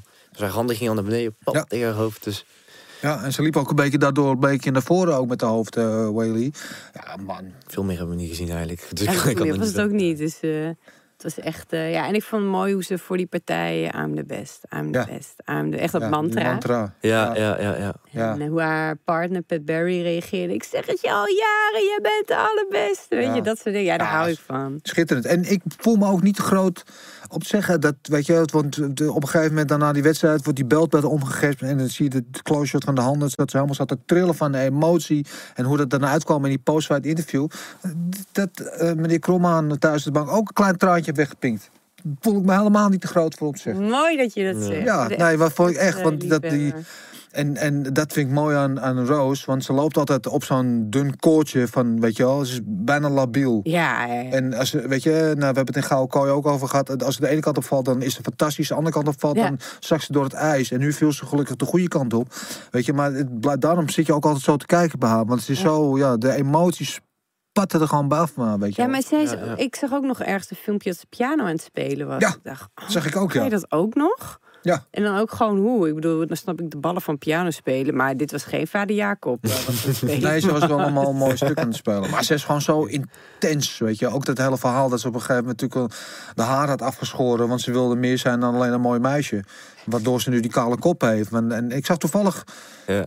Gisteren of van de week zag ik dan inderdaad nog een foto voorbij komen. Dat ze nog lang haar had en make-up en zo, weet je. Zag ze best, een- best wel een mooi meisje. het is een hele mooie vrouw om te ja. Maar ze zien. excelleert op alles. En ze, wat je zegt, intens. Zij, ik denk dat zij heel te intens voelt. Dat ze hoog intelligent is. Ja. Dat ze heel goed kan bewegen. Al die dingen komen in haar samen. Ja, maar ze had En dan, daarom is ze denk ik ook zo wankel. dat is het Ja. ook, weet je. Dat ze de, de titel verloor aan, aan, aan diezelfde Andrade. Dat ze daar achteraf zei van, ja, ik ben eigenlijk blij dat ik de Ja. druk niet meer heb. Weet je wel, en ik wilde de, de, de burden van het kampioen zijn. Was, weet je wel, dat is ook... Ja. En nu Ik kan me daar dan... heel erg in vinden, inderdaad. Ja, Ja. Ja, maar dat hebben alle zeker. kampioenen. Ilimele uh, McFarlane, die is, die is heel lang kampioen geweest. En die is, die, is, die is ook gewoon even daar klaar mee, zeg maar. Ze heeft de titel verloren. Maar die eerste titel moet je ook leren dragen. En dan weer herpakken. Ja, en dan Ja, op een ja, gegeven moment, en als je dan terug die tweede titel die je gaat pakken, ga je heel anders beleven als je hem één keer kwijt bent. Maar dat is gewoon een heel nieuw. Je komt in zeg maar een nieuw speelveld. En dat zie je ook met Conor McGregor bijvoorbeeld. Hij is nog steeds die martial artist, dat geloof ik in de kern. Maar daar is een laag van superster overheen gekomen. Mhm. En daardoor gaat hij zich ook anders gedragen. Wat je zag is, was hij altijd hè, die motherfucker. En altijd iedereen eh, close. Toen werd hij die hele Mr. Good Guy. Dat werkte voor hem niet. Want hij heeft die, je hebt een soort van mentale muur om je heen nodig. Van arrogantie of wat het ook is. Omdat als je op het hoogste podium staat... Iedereen wil wat van je. Ja. Je komt Ja. nooit meer eh, zomaar een gym binnen. Want iedereen wil, je wil je uit elkaar ja, trekken. Iedereen heeft target een on your back. Wat zeg je? The target on your back. Ja, zeker. Rose kan dat ook niet, hè? Rose is ook wel redelijk emotioneel. En, Ja. en Ja. Het kan Ja. inderdaad alle kanten op. Maar daarom vind ik... Dat komt wel, eh, ik kan me daar wel echt in vinden, Ja. inderdaad. Ja. Ja, mooi. Ja. Watch and learn. ja, precies. Maar ik vond, ik vond het ook wel interessant. Dat wat je zegt, eh, dat, dat ehm, je kampioen voelen en zo. Maar je, je, je- tegen jezelf vertellen dat je kampioen bent en het ook echt voelen. is Dus Ja. het zijn echt... eh, dat is wel next level, hoor. Is dat je Ja. bescheidenheid? Ehm, kijk, aan de ene kant eh, ben ik met mijn mental coach bezig. Zodra ik de dojo binnenstap, groeten en er hangen gewoon eh, quotes voor mij op de spiegel. Dus zodra ik eh, de kooi enter, staat er allemaal van... Champ zijn betekent niks. Je record betekent niks. Wij, wij komen met één doel, om, om, om, om te slopen, zeg maar. En om te winnen. En, ehm, dus het is heel moeilijk om, om jezelf dan ook champ te voelen. Snap je wat ik bedoel? Ja, Terwijl je moet wel in jezelf geloven. Je moet geloven in je eigen skills. Je moet wel geloven in je, in je mindset. In, in, in ik kan dit. eh, eh, die en die en die eh skillset heb ik. Maar wanneer voel je nou echt een champ? Nee, het- is van, eh, mag je jezelf geen champ voelen omdat je dan die druk daarbij krijgt waardoor je gaat onderpresteren? Is dat, is dat de reden Misschien. daarachter? Dat je daarom in de kooi hebt staan, eh champ zijn is niet belangrijk? ja, of te veel, te veel waarde hechten aan... aan, aan Ja, dat, dat is het. Ja, want zo zou ik het mis. Ik zou meer zeggen, ja, fuck it. Ik heb iedereen in elkaar geslagen, trap gegooid, gesubmit. Ja. Ik heb dit verdiend. Ik heb deze titel verdiend. Ik heb het voor de ogen van de wereld gedaan. Ik ben kampioen. En dan is stap twee. Maar wat ga ik daarmee doen? Ga ik, eh, ga ik die belt in mijn huiskamer hangen? Of zoals eh, Pieter Buis stop ik hem in een, eh, in een plastic tas achter in mijn auto? En ik denk dat dat een, een weg is die je voor jezelf eh, moet ja. gaan eh, bekijken. Maar ik, ik zou zeker niet onderdrukken dat je een kampioen bent. Want da- dat is waar je voor gevochten en gestreden hebt. Wat, wat vind je daarvan als ik dat zeg? Dat is de validatie van al het werk wat je erin hebt gestopt. Ja, kijk. Het symbool van- Huppakee. Ja, Mooi. ja, ja, precies. Maar nou om iedere dag eh, te zeggen van ik ben de champ en, je zo gewoon echt te voelen, zo gedragen, ik denk dat het daarmee te maken heeft. Maar heb je dan ook niet een eh, heel eh, plat beeld van hoe een kampioen moet zijn? Zo'n heel eh karikaturaal beeld van een champ, die, die loopt altijd stoer. En je kan toch ook een ander, jij kan toch invulling geven aan het kampioenschap? is toch jouw belt? Jij bepaalt Ja, hoe je nee, dat klopt, ook, dat klopt ook. Alleen, ja, misschien is het... dat, is, dat is iets vanuit ons, onze team. We hebben altijd andere teams eh, bekeken. En die, die noemen eh, zichzelf onderling ook... Hey champ, hey champ, dit en dat. En dan, dan merk je wanneer het gewoon slecht gaat... dan, dan dat zelfbeeld, dat, dat verandert dan helemaal. Dan, als iets in een partij niet lukt... Ja, wat dan? En, en wij gaan er niet in als champ. Wij gaan er gewoon in van... We moeten die kerel erin slopen. Mhm. Dat snap we, ik hebben- ook we, we hoor. hebben één doel en, en ja. ja. Ik weet niet. eh, Het lijkt bijna ik als- ben hier nog niet helemaal in, eh, in, in thuis. We moeten nog even... Nou, Je hoeft niet voor te schamen hoor, dat je kampioen bent. Het is wel hartstikke goed. Wij vinden dat hartstikke goed dat jij kampioen. Precies. Nee, ja. ik, ben, ik ben er ook trots op. Ja, tuurlijk. Maar ik roep, roep het niet van de daken van... Hey, kijk mij nou en dit en dit. Ik denk dat dan... Dan voel ik me arrogant of zo. Snap je wat ik bedoel? Dat Ja. Ja, maar je mag je ik wel kampioen keer- voelen. En dat Ja. is je communicatie naar buiten is nog stap twee. Maar, Maar je arro- wel echt ownen. En arrogantie en zelfbewustzijn, dat is niet hetzelfde. Toch? Je kan heel bewust zijn. Je, ben, je kan zeggen, ik ben goed. Want als je kampioen bent, dan, Ben je goed? dan Ja, ben je de ja, beste. ik ben wel, Toch? ik Je ben bent- wel als je kampioen bent, ben je de beste. En dan mag je best bewust van zijn. Nou, dat is niet hetzelfde als arrogant. precies. Arrogant is als je zegt, ik ben veel meer beter bij jou, want jij bent dat je minder waardig doet. Nee, dat hoeft niet. Maar je kan wel zeggen dat je, bent, dat je de beste bent als je kampioen bent. Ja, ja, ja. ja, alleen in een topsport is er wel een dunne lijn. Dan, dan komt het al wel heel, heel gauw over alsof je... Dat zie je in de, in de top 5 van de UFC ook, toch? Ja. Nou, je zag het ook met Eh, Rose met haar interviews eh, vooraf. Dat ik ook naar keek. Dat ik dacht, oeh. Ja, ik, ben, ik weet niet, dingen, ze zei dingen als van... ik ben de allerbeste, ik... ehm, eh, ik, ik heb, beoefen dit als een kunst. En een Ja, kop ja, ja. erbij, maar... Dat is ook vol. En als, dat is een eerste reactie. Denk ik, nou, pff, doe even normaal. Ja. Maar een tweede reactie, dan denk ik, ja, maar natuurlijk doet ze dit. Want dat is haar beschermlaag. Ja, Want ze ja, ja. staat zo in die, in, die, in die bright lights, zoals UFC dat zelf zegt. Het is zo heftig. Dus je hebt gewoon een beschermhoesje nodig. Ja. Dus eh, zo zie ik het. Hoe, hoe zie jij dat? Ja, nee, precies hetzelfde. Ja, dat klopt. Ja, ja, ja, ik, ja nee, dezelfde mening, deel dezelfde mening. Dus ja. We hebben nog één partij. Eh, Ja, ja, over validatie gesproken. waar natuurlijk eh Oesman, eh, die natuurlijk al eigenlijk gewoon al dominant daar kampioen is een tijdje in die, in die 170-divisie. En eh, ook eigenlijk een beetje vergelijkbaar met Shevchenko. Want Shevchenko had van tevoren natuurlijk ook gezegd van nou, ik ga, zij denkt dat ik op de grond te pakken ben. Ik ga op de grond pakken. Hij heeft het totaal gedomineerd. Eh Oesman vocht natuurlijk tegen Masvidal, die die al een keer verslagen had. 50-43 geloof ik, ze was al vrij duidelijk. Maar hij vond het zelf niet beslissend genoeg. Nee, want hij had maar acht dagen. ja, eh, dus dat gelul. eh, dus ja, precies. Ja, vind ik allemaal, weet je wel, want het was voor Oesman, Oesman was het ook, had hij ook maar zes dagen voor een nieuwe. Ja, maar goed, in ieder geval, ja, veel duidelijker had hij het niet kunnen maken dan dit gewoon. Nee, dit was zo gewoon uit het boekje. Ja. De, En, dat, ik, en, en de vorige partij van Oesman, dat hij eh, Gilbert Burns natuurlijk eigenlijk ook vernietigde. En dat hij daarna ging zeggen, put some respect on my name. Dat deed mij pijn, weet je. Ik vond het echt, want jij bent als kampioen, je bent zo dominant, dat jij moet niet vragen, nodig. van, put some respect on my name. Vind ik eigenlijk triest, want jij Ja. zou dat niet zo moeten vullen. Want jij bent gewoon fucking baas. Eh, en, en nu heeft hij voor eens en voor altijd, denk ik, alle haters en, Ja. en twijfelaars heeft hij gewoon de mond gesnoerd. Want ja, wat, wat een koning. Ja, echt, Ehm, hè? ja, fantastisch. Overigens, voor eh, wat meer uitgebreid terugblik op UFC 261, kijk dan even naar de Gauw Kooi podcast, die we elke maandag opnemen en ook meteen pu- publiceren. Waar ik samen met eh, Sam van Raalte eh, alles UFC bespreek. waar we, we ook met Henry Hoofd even ook over Oesman praten. En Marcel Dorf met het laatste vechtnieuws. enzovoort. Dus check dat even op Spotify, Apple Podcast. Dat gezegd hebben over UFC. Ehm ja, PFL was terug ook.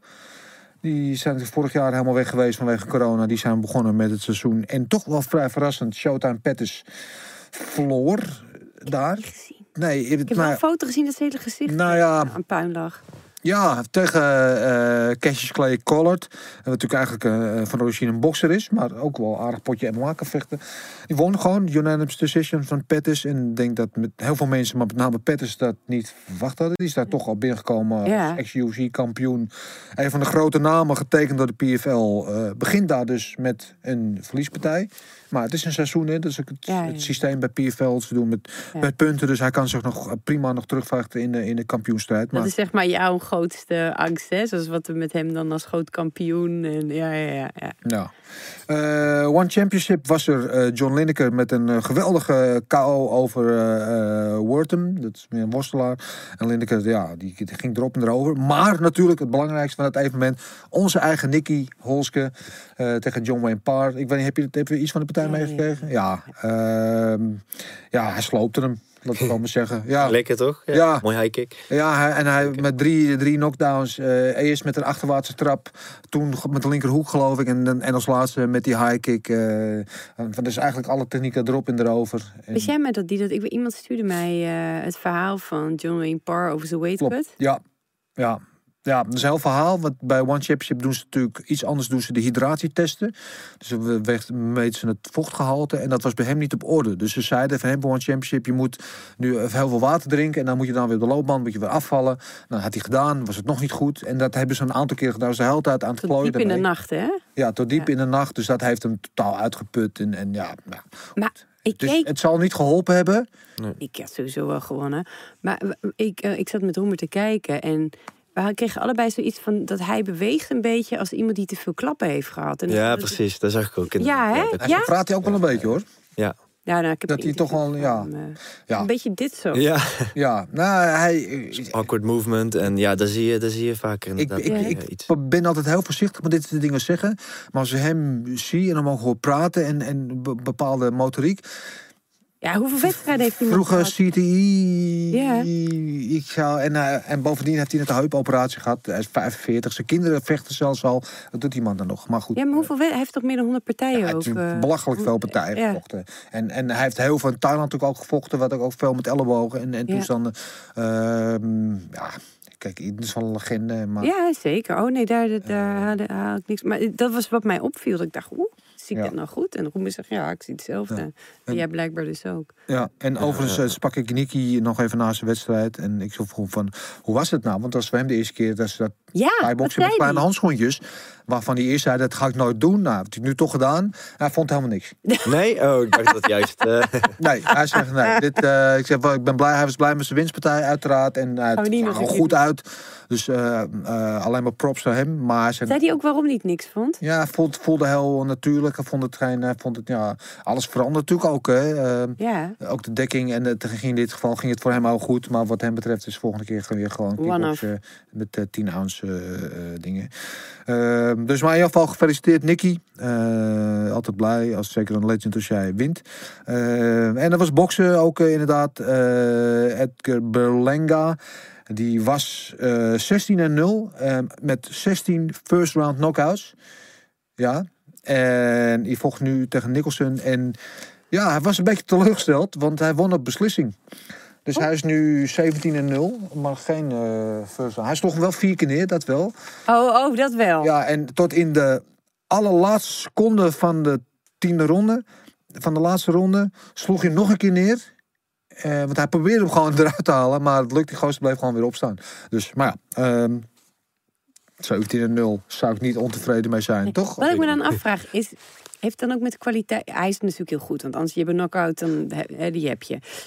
Maar zou het ook komen dat hij dan... Want ik, ken die helemaal niet hoor. Maar dat, dat is het niveau van eh, tegenstanders nu ook Tuurlijk, hoger boksen wordt? is meer dan in welke sport worden vechters natuurlijk gebouwd eh, en gematcht. En in boksen, kijk, in kickboksen of MMA bestaat dat niet. Die perfect record, dat is onzin. Je verliest altijd wel. Ja, ja, Khabib had een perfect record, Mhm. maar normaal gesproken je verliest altijd wel een keer onderweg. Want het is gewoon een, sp- een sport van geven en nemen. ja. Eh, maar boksen is natuurlijk heel erg van die perfect record is belangrijk. Want als jij een verliespartij op je naam hebt, dan ben je eigenlijk al niet meer interessant eh, voor het grote geld. Dat is natuurlijk heel raar. Dus die vechters worden heel vaak heel voorzichtig gematcht en gebouwd. De tegenstanders van ze weten waarvan ze kunnen winnen.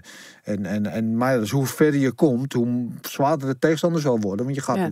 wel op een gegeven naar de grote gevechten toe. En hij is een young up-and-coming guy. Dus die wordt denk ik wel, eh, ja, wel bewust eh, gematcht tegen bepaalde gasten. Dus En zoals tegen deze gast, was het dan zijn eerste wat grotere test?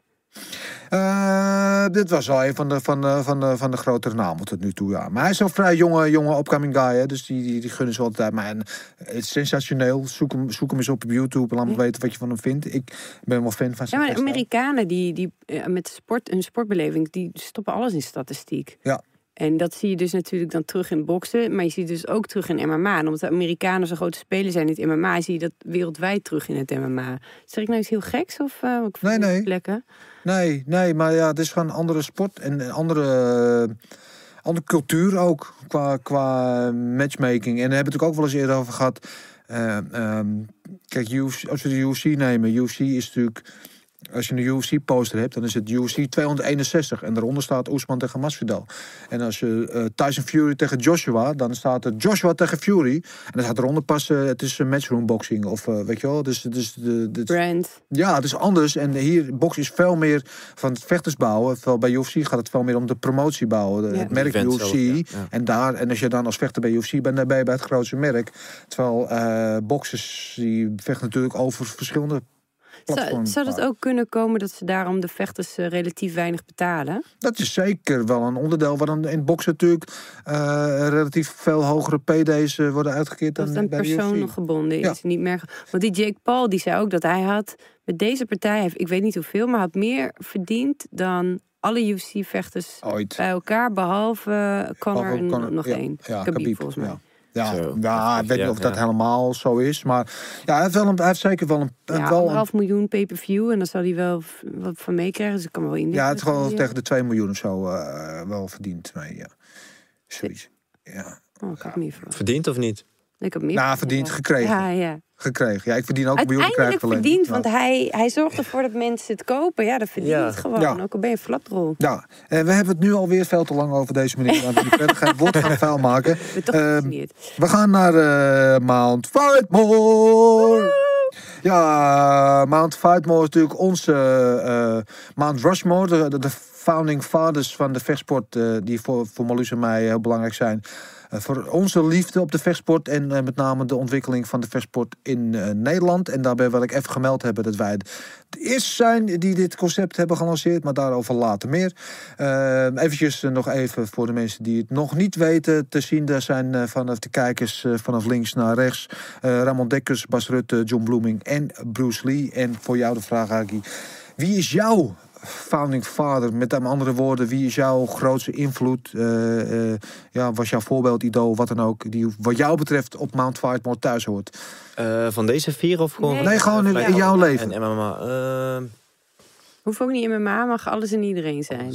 Mag ook Kofi Annan zijn.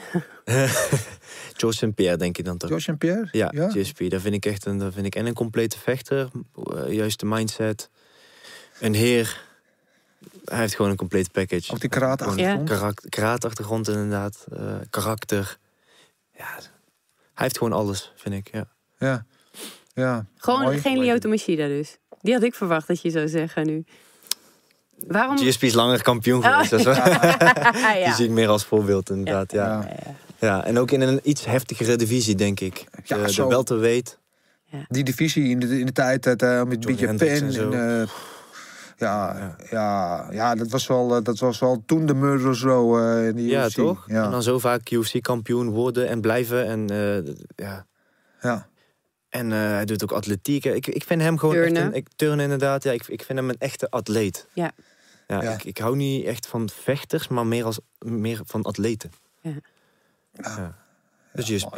Ja. Goeie, hele goeie. Ja, ik heb het mooi en ik zit eh, als Marvel-fan, hè, wat jij dan eh, ook wel leuk vindt, eh, tegenwoordig op, op Disney Plus de serie Falcon en de, Oh ja, ja, ja. en de Winter Soldier. ja, ja. Eh, en daar speelt GSP dus de bad guy. ja, die heb ik gezien. Dat ik wel zeg heel grappig vind, want dat hij toch de ultieme good guy is altijd. Ja. Je hebt, ik heb hem nog nooit iets vervelends over wie dan ook Welke zeggen. casting director heeft dat dan bedacht? Ja. Oh, we nemen GSP en eh, hij wordt de bad guy. Ja, Ja, ja, precies. Ja, maar hij speelde al in Captain 2, volgens mij, hè?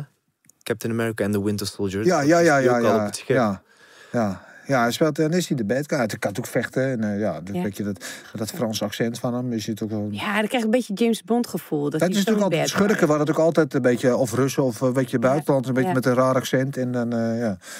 ja. Ja, leuk. Maar GSP, ja, GSP, absoluut een Goeie, Eventjes in de, in de, als we het hebben over, dat is altijd nu weer een dingje met Oesman. Hè, van, van, je hebt het over de GOAT-discussie. Want Oesman natuurlijk nu 14 wedstrijden op rij Mhm. gewonnen. En eh eh, Anderson Silva was de enige die een langere winstreak had. van 16 vecht, gevechten in de UFC. Maar George Empere heeft toch, geloof ik, 12 titelgevechten. eh gewoon titel. Dus, en dan zit Oesman natuurlijk nog lang niet. Eh, hoe zit hij in jouw ogen? Zit hij al op dat niveau?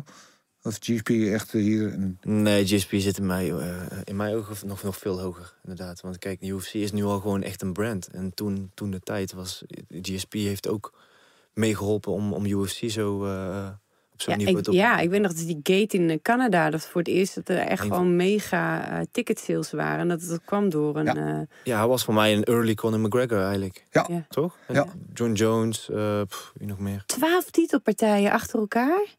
Ja, hij heeft volgens mij, ik weet niet helemaal, volgens mij heeft hij, nou, niet, want hij heeft hem ook uit hè? hem verloren, hè, want daar verloren toen van Matt Serra, die natuurlijk een knockout. Eh, maar volgens mij heeft hij het record van het meeste aantal eh, titelgevechten. in de Heftig. UFC. Title defenses hebben het dan over. Eh, ja, en Ander- Anderson Silva zit natuurlijk ook een beetje in die range. Anderson Silva, GSP. Ja, ja, ja. eh, Jawel. die GSP, toch? Toch GSP, sowieso. Ja, ja, ja. Ja, goede keuze hoor. Mooi. Eh, we gaan even vooruitblikken naar eh, wat de komende weekend allemaal te gebeuren is. We beginnen gelijk met eh, vandaag, eigenlijk woensdag, ehm, eh, One Championship. En eh Aung La Sang, die vecht daar, en die zou daar om zijn, die vecht daar om zijn light heavyweight titel. En zijn tegenstander, die krijgt dus vrijdag te horen, die is uitgevallen, die heeft COVID. Nou, Henry Hoofd, die zit daar eh, samen met hem en onder andere met Brenno Vera, die er ook eh, moet vechten bij One Championship. Toen moest er een tegenstander komen op het laatste moment. Wie hebben ze uit de hoge hoed getrokken? Ja? Ja? Weet het al? Ja, ja, ja. ja, ja Reinier de Ridder. Onze eigen Reinier. Die is gewoon op five days notice. eh, daar- Vrijdag krijg je te horen. eh, ik heb Reinier eventjes gesproken. Toen hij in het vliegtuig zat onderweg naar Singapore, zat ik met hem te appen. En eh, dat was op zaterdag. Aan vrijdag werd hij gebeld van, joh, dit en dit is aan de hand. Eh, heb je dus, ja, heb ik wel zin in, zei Reinier. Eh, ben je wel een beetje fit, vroeg ik ook nog. Want ja, ga het maar doen. Ja, want hij heeft van hem gewonnen natuurlijk. Hij altijd, ja, en zo makkelijk ook. Zo makkelijk. Maar dat was op 185, was midden, of op middengewicht. Dus 93 staat Ja. dan bij One Championship. Eh, nu, kijk, die is natuurlijk een gigantische gozer. Die, weet je, een heavyweight frame heeft. Mhm. Die dan helemaal naar beneden gaat. Eh, nu gaat hij dus op gewichtklasse hoger tegen hem. Op Ja, maar die, het was zo snel al in. eh we hadden toch in de eerste ronde al gewonnen? Ja. Ja, dus Ja. Dan, dan maakte, zeg maar, dat, die weight cut maakte in die eerste ronde nog niet uit. Nee, en Het was gewoon eh, echt Nee, nee, gewoon techniek, technisch de hij baas. was, was gewoon kansloos op de Ja. grond, Aung. En, eh, maar ja, hij was wel... Die Aung dat wil. Ja, Aung wil wel, want die wil ten eerste gewoon vechten. En ten tweede wil hij natuurlijk die verloren partij goed maken. Ja, maar Ja, dan- dat snap ik ook wel. hoe lang is het geleden? Maar dan raakt hij wel beide titels kwijt. Ja, dat is wel, eh, ja. ja dat, zou, Heftig, kijk, hoor. dat zou het, het ultieme Van zijn. dezelfde man. ja. Oh. En ehm, ja, kijk, ik gun Henry Hoofd, eh, gun ik alles. Vind ik een fantastisch vent en geweldig trainer. Maar sorry, we ja, wel een keihard voor Reinier hier. Tuurlijk. Ja, Zeker. en als hij dit flikt inderdaad, dan is hij wel gewoon echt Ja. de baas der baas. Zo cool, hè? Of Echt gewoon inderdaad cool. op, op, op vijf dagen notie. Ja. Ehm, en, dan, en dan gewoon zijn tweede titel ook van hem afpakken. Champ, champ. Ja, dan ben je de champ, champ. En met Ja, recht. Brabanders doen het best wel goed, hè, dan? Ja, hey, Ja, ook eh, ja, kickboksen, sowieso. Maar ja. ja. Pieter, Breda, Reinier. Ja, en Pieter eh, vecht overigens ook One Championship. Die vecht op dezelfde dag als Renier. Maar dat wordt dan weer later uitgezonden. Dus dat mogen we drie weken Ah. moeten we daar onze bek weer over houden. Dat is dat- Oh, ja, ja, precies. Eh, maar ja, in ieder geval... je drie ja, weken zagrijnig, Dennis? Ja, ik vind dat zo'n gelul. En Eddie Alvarez vecht ook op die kaart. En Eddie Alvarez, die hebben, hadden we het net toch over. Die vocht natuurlijk twee weken geleden nog. En toen kreeg je die DQ. Was, die ze wel weer eh, volgens mij overturned hebben. Want was, die hebben ze gewoon no contest van gemaakt. Sloeg ook weet helemaal nergens ja. op met die nee maar Nee, maar dat je alweer nu alweer aan de bak mag. Hij wilde heel graag, heel snel. Hij wilde zo snel mogelijk. Dus hij heeft gezegd van, zorg gewoon zo snel mogelijk een partij van een partij Vijf van voor mij. hem.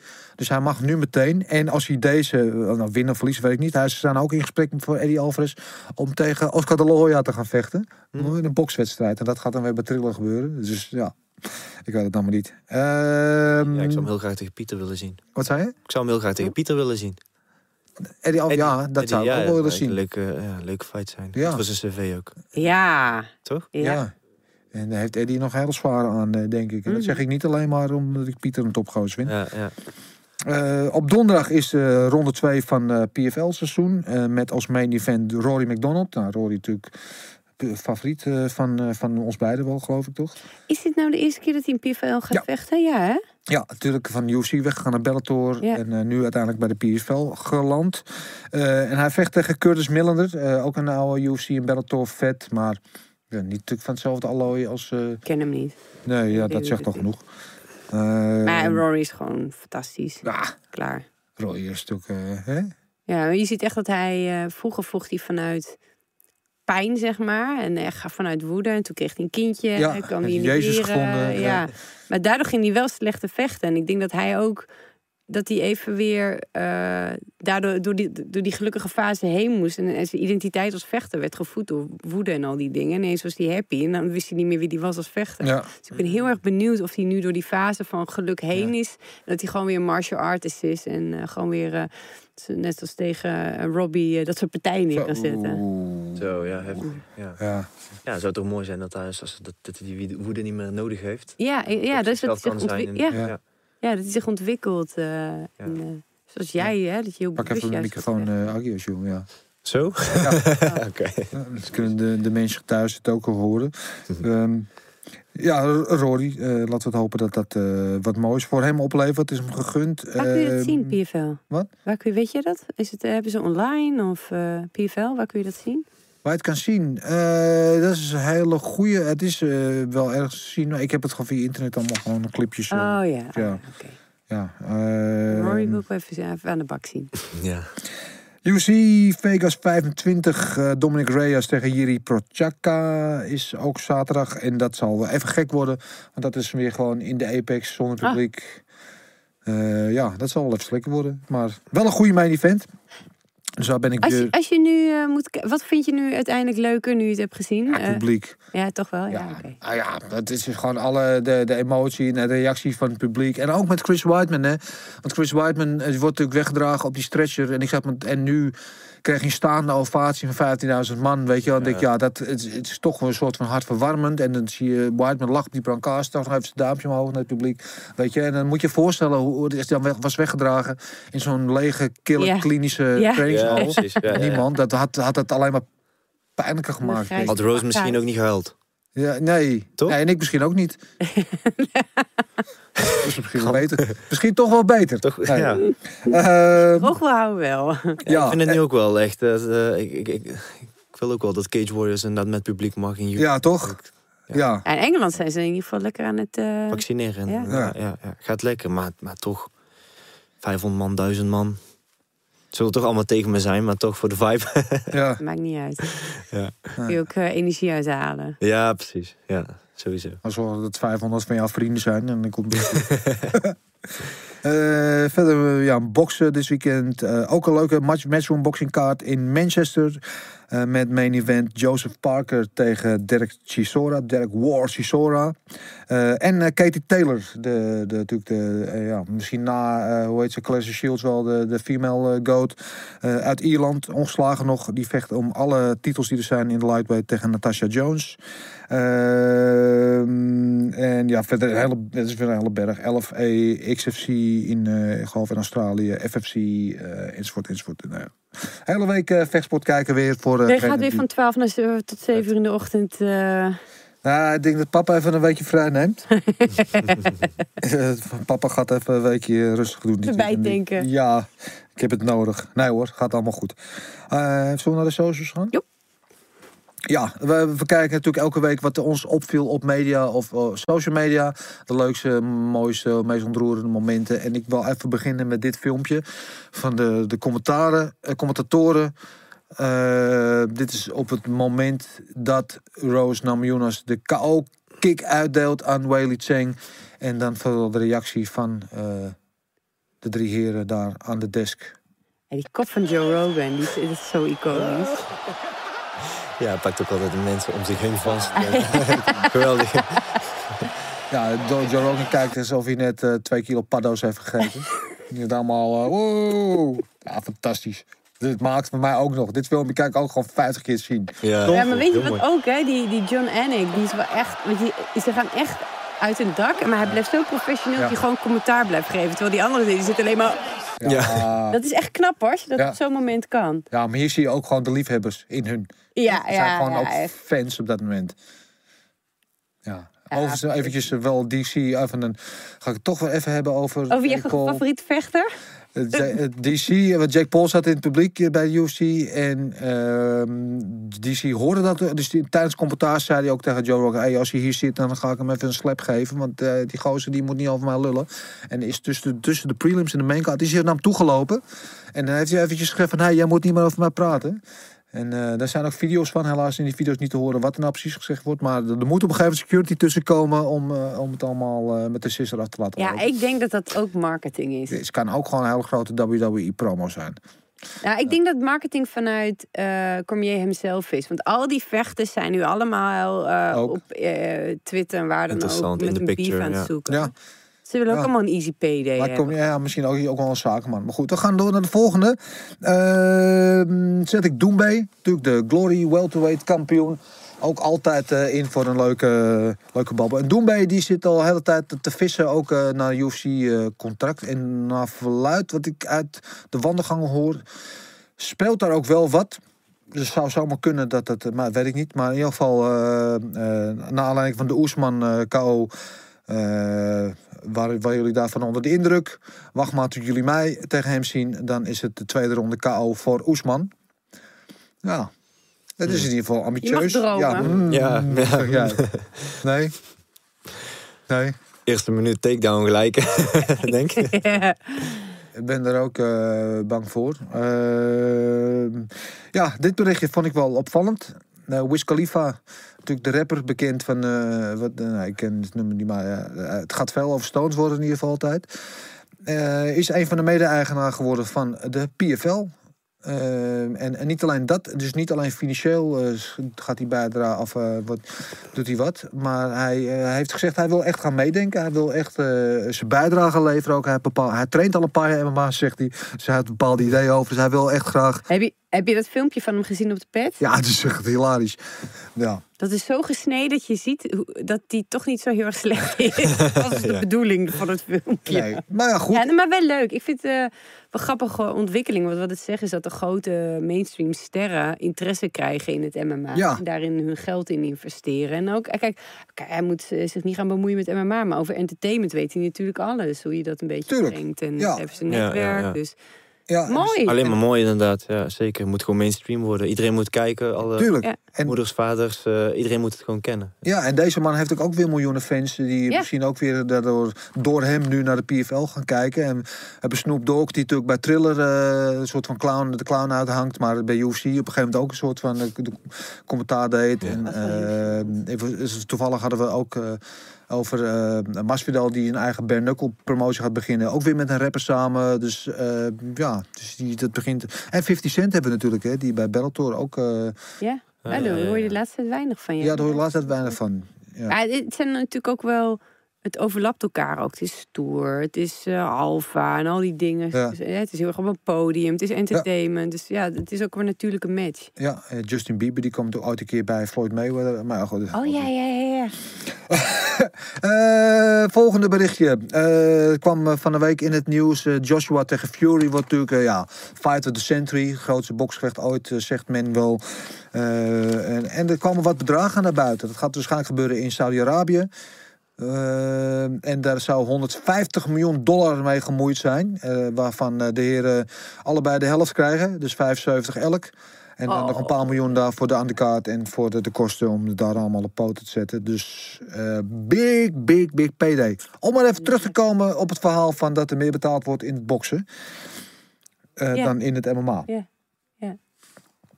Eh, en ja, last but not least, we hadden natuurlijk net al onze Mount Fightmore. We hadden een tijdje geleden kreeg uh, One Championship, die kwam met hun Mount Fightmore met DJ. En we zagen hem laatst nog een keer voorbij komen. Eh, en nu kwam ESPN MMA ook met dit plaatje. Ja, often imitated, never duplicated. ik moet zeggen, ik vind onze Mount Fight maar mooi. Precies. Ja. De enige echte pencil sensei. Eeuw. Dus eh bij zonder gekheid, wij hebben de Mount Rushmore natuurlijk ook niet bedacht. Die, die hing daar al een, een 100 jaar. Geen Woodley in? Oh, geen, geen Woodley in ieder geval. ik, ik vond het best briljant. Woodley hoort daar niet aan voor jou? Nee, Nee? nee. Ik vind, hem, ik vind hem niet echt een champ, champ. Ik vind hem niet... eh, Ook toen hij kampioen was, hoor. Ik, had daar geen feeling bij. Ik Nee? voelde het voor mij niet echt als een, als een, als een kampioen of zo. Het was Nee, ik snap wat je zegt wel. Zo snel mogelijk... eh, eendimensionaal, hè?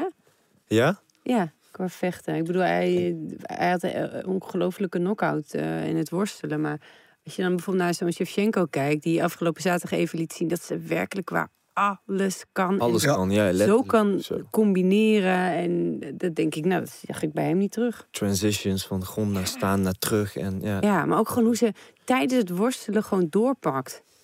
Dus van dat ze Echt van heel knap, chain van de ene beweging naar de andere gaat. Nou, Ja. Fantastisch. Ja, Ja, fantastisch. Maar goed, eh, ja, dit zijn eh, hun vier. Dus eh, George en Pierre zal er bij jou geen twijfel over bestaan. Eh Oesman eh, hoort daar tegenwoordig al. Woody zeg jij van niet.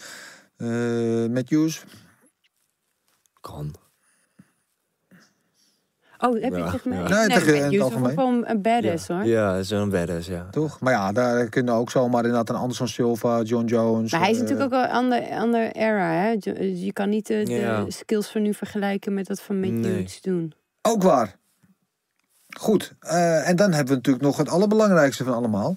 Want de enige echte pencil sensei, eh, Oh, ja, heftig. tekenaar van de sterren, Hey. hij heeft natuurlijk eh, jou weer eh eh. Kijk, Ja, hij is dik, hè? en Vet. daar is hij. Heel vet. Hier ook op beeld. De Wolverine, Zo, baard, eh beard game on point.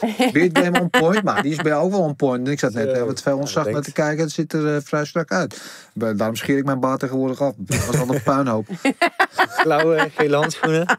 Ja, ik vind hem heel vet. Geweldig. Ja toch, de Cage Warriors belt eh, om je middel. En ehm, ja, misschien eh, moet je over een tijdje nog maar terugkomen. ehm, en dat, we dat, dat, dat een UFC-belt gemaakt moet worden. Of UFC handschoenen eerst. Dat, Of, dat- ja, dat- Ja. Daarmee dat, dat, begin- lijkt me al... Jij blijft bescheiden, hè? Ja. Blijft klein denken. Hou ik ook Wij denken groot voor je. Ja, nee, grote Droom. doelen, maar even ja, stap voor stap doelen. inderdaad. Ja, ja oké. zeker. Bescheiden mensen. Nou, eh, ik, Agi, ik vond het een genot om je hier op de bank te hebben. Ik heb genoten van je verhaal en eh, eh, van je visie op de sport. Dankjewel, ik vond het Ja. heel gezellig. Ja, en, en we, gaan je, we gaan je volgen en eh, op de voet volgen. En ik hoop dat alles eh, naar je toe komt waar je op hoopt en waar je zo hard voor werkt. En dan eh, hoop ik je ooit nog een keer hier te hebben. Ja, dankjewel. Met Ja, ik hoop het ook, zeker. Oh. Tot de volgende. Dankjewel. Dankjewel. Marloes, dankjewel. Ik eh, verwacht jou eh, volgende week gewoon weer aan mij zij. En eh, volgende week is het weer even anders. Want volgende week hebben we de Panelband. panelbende.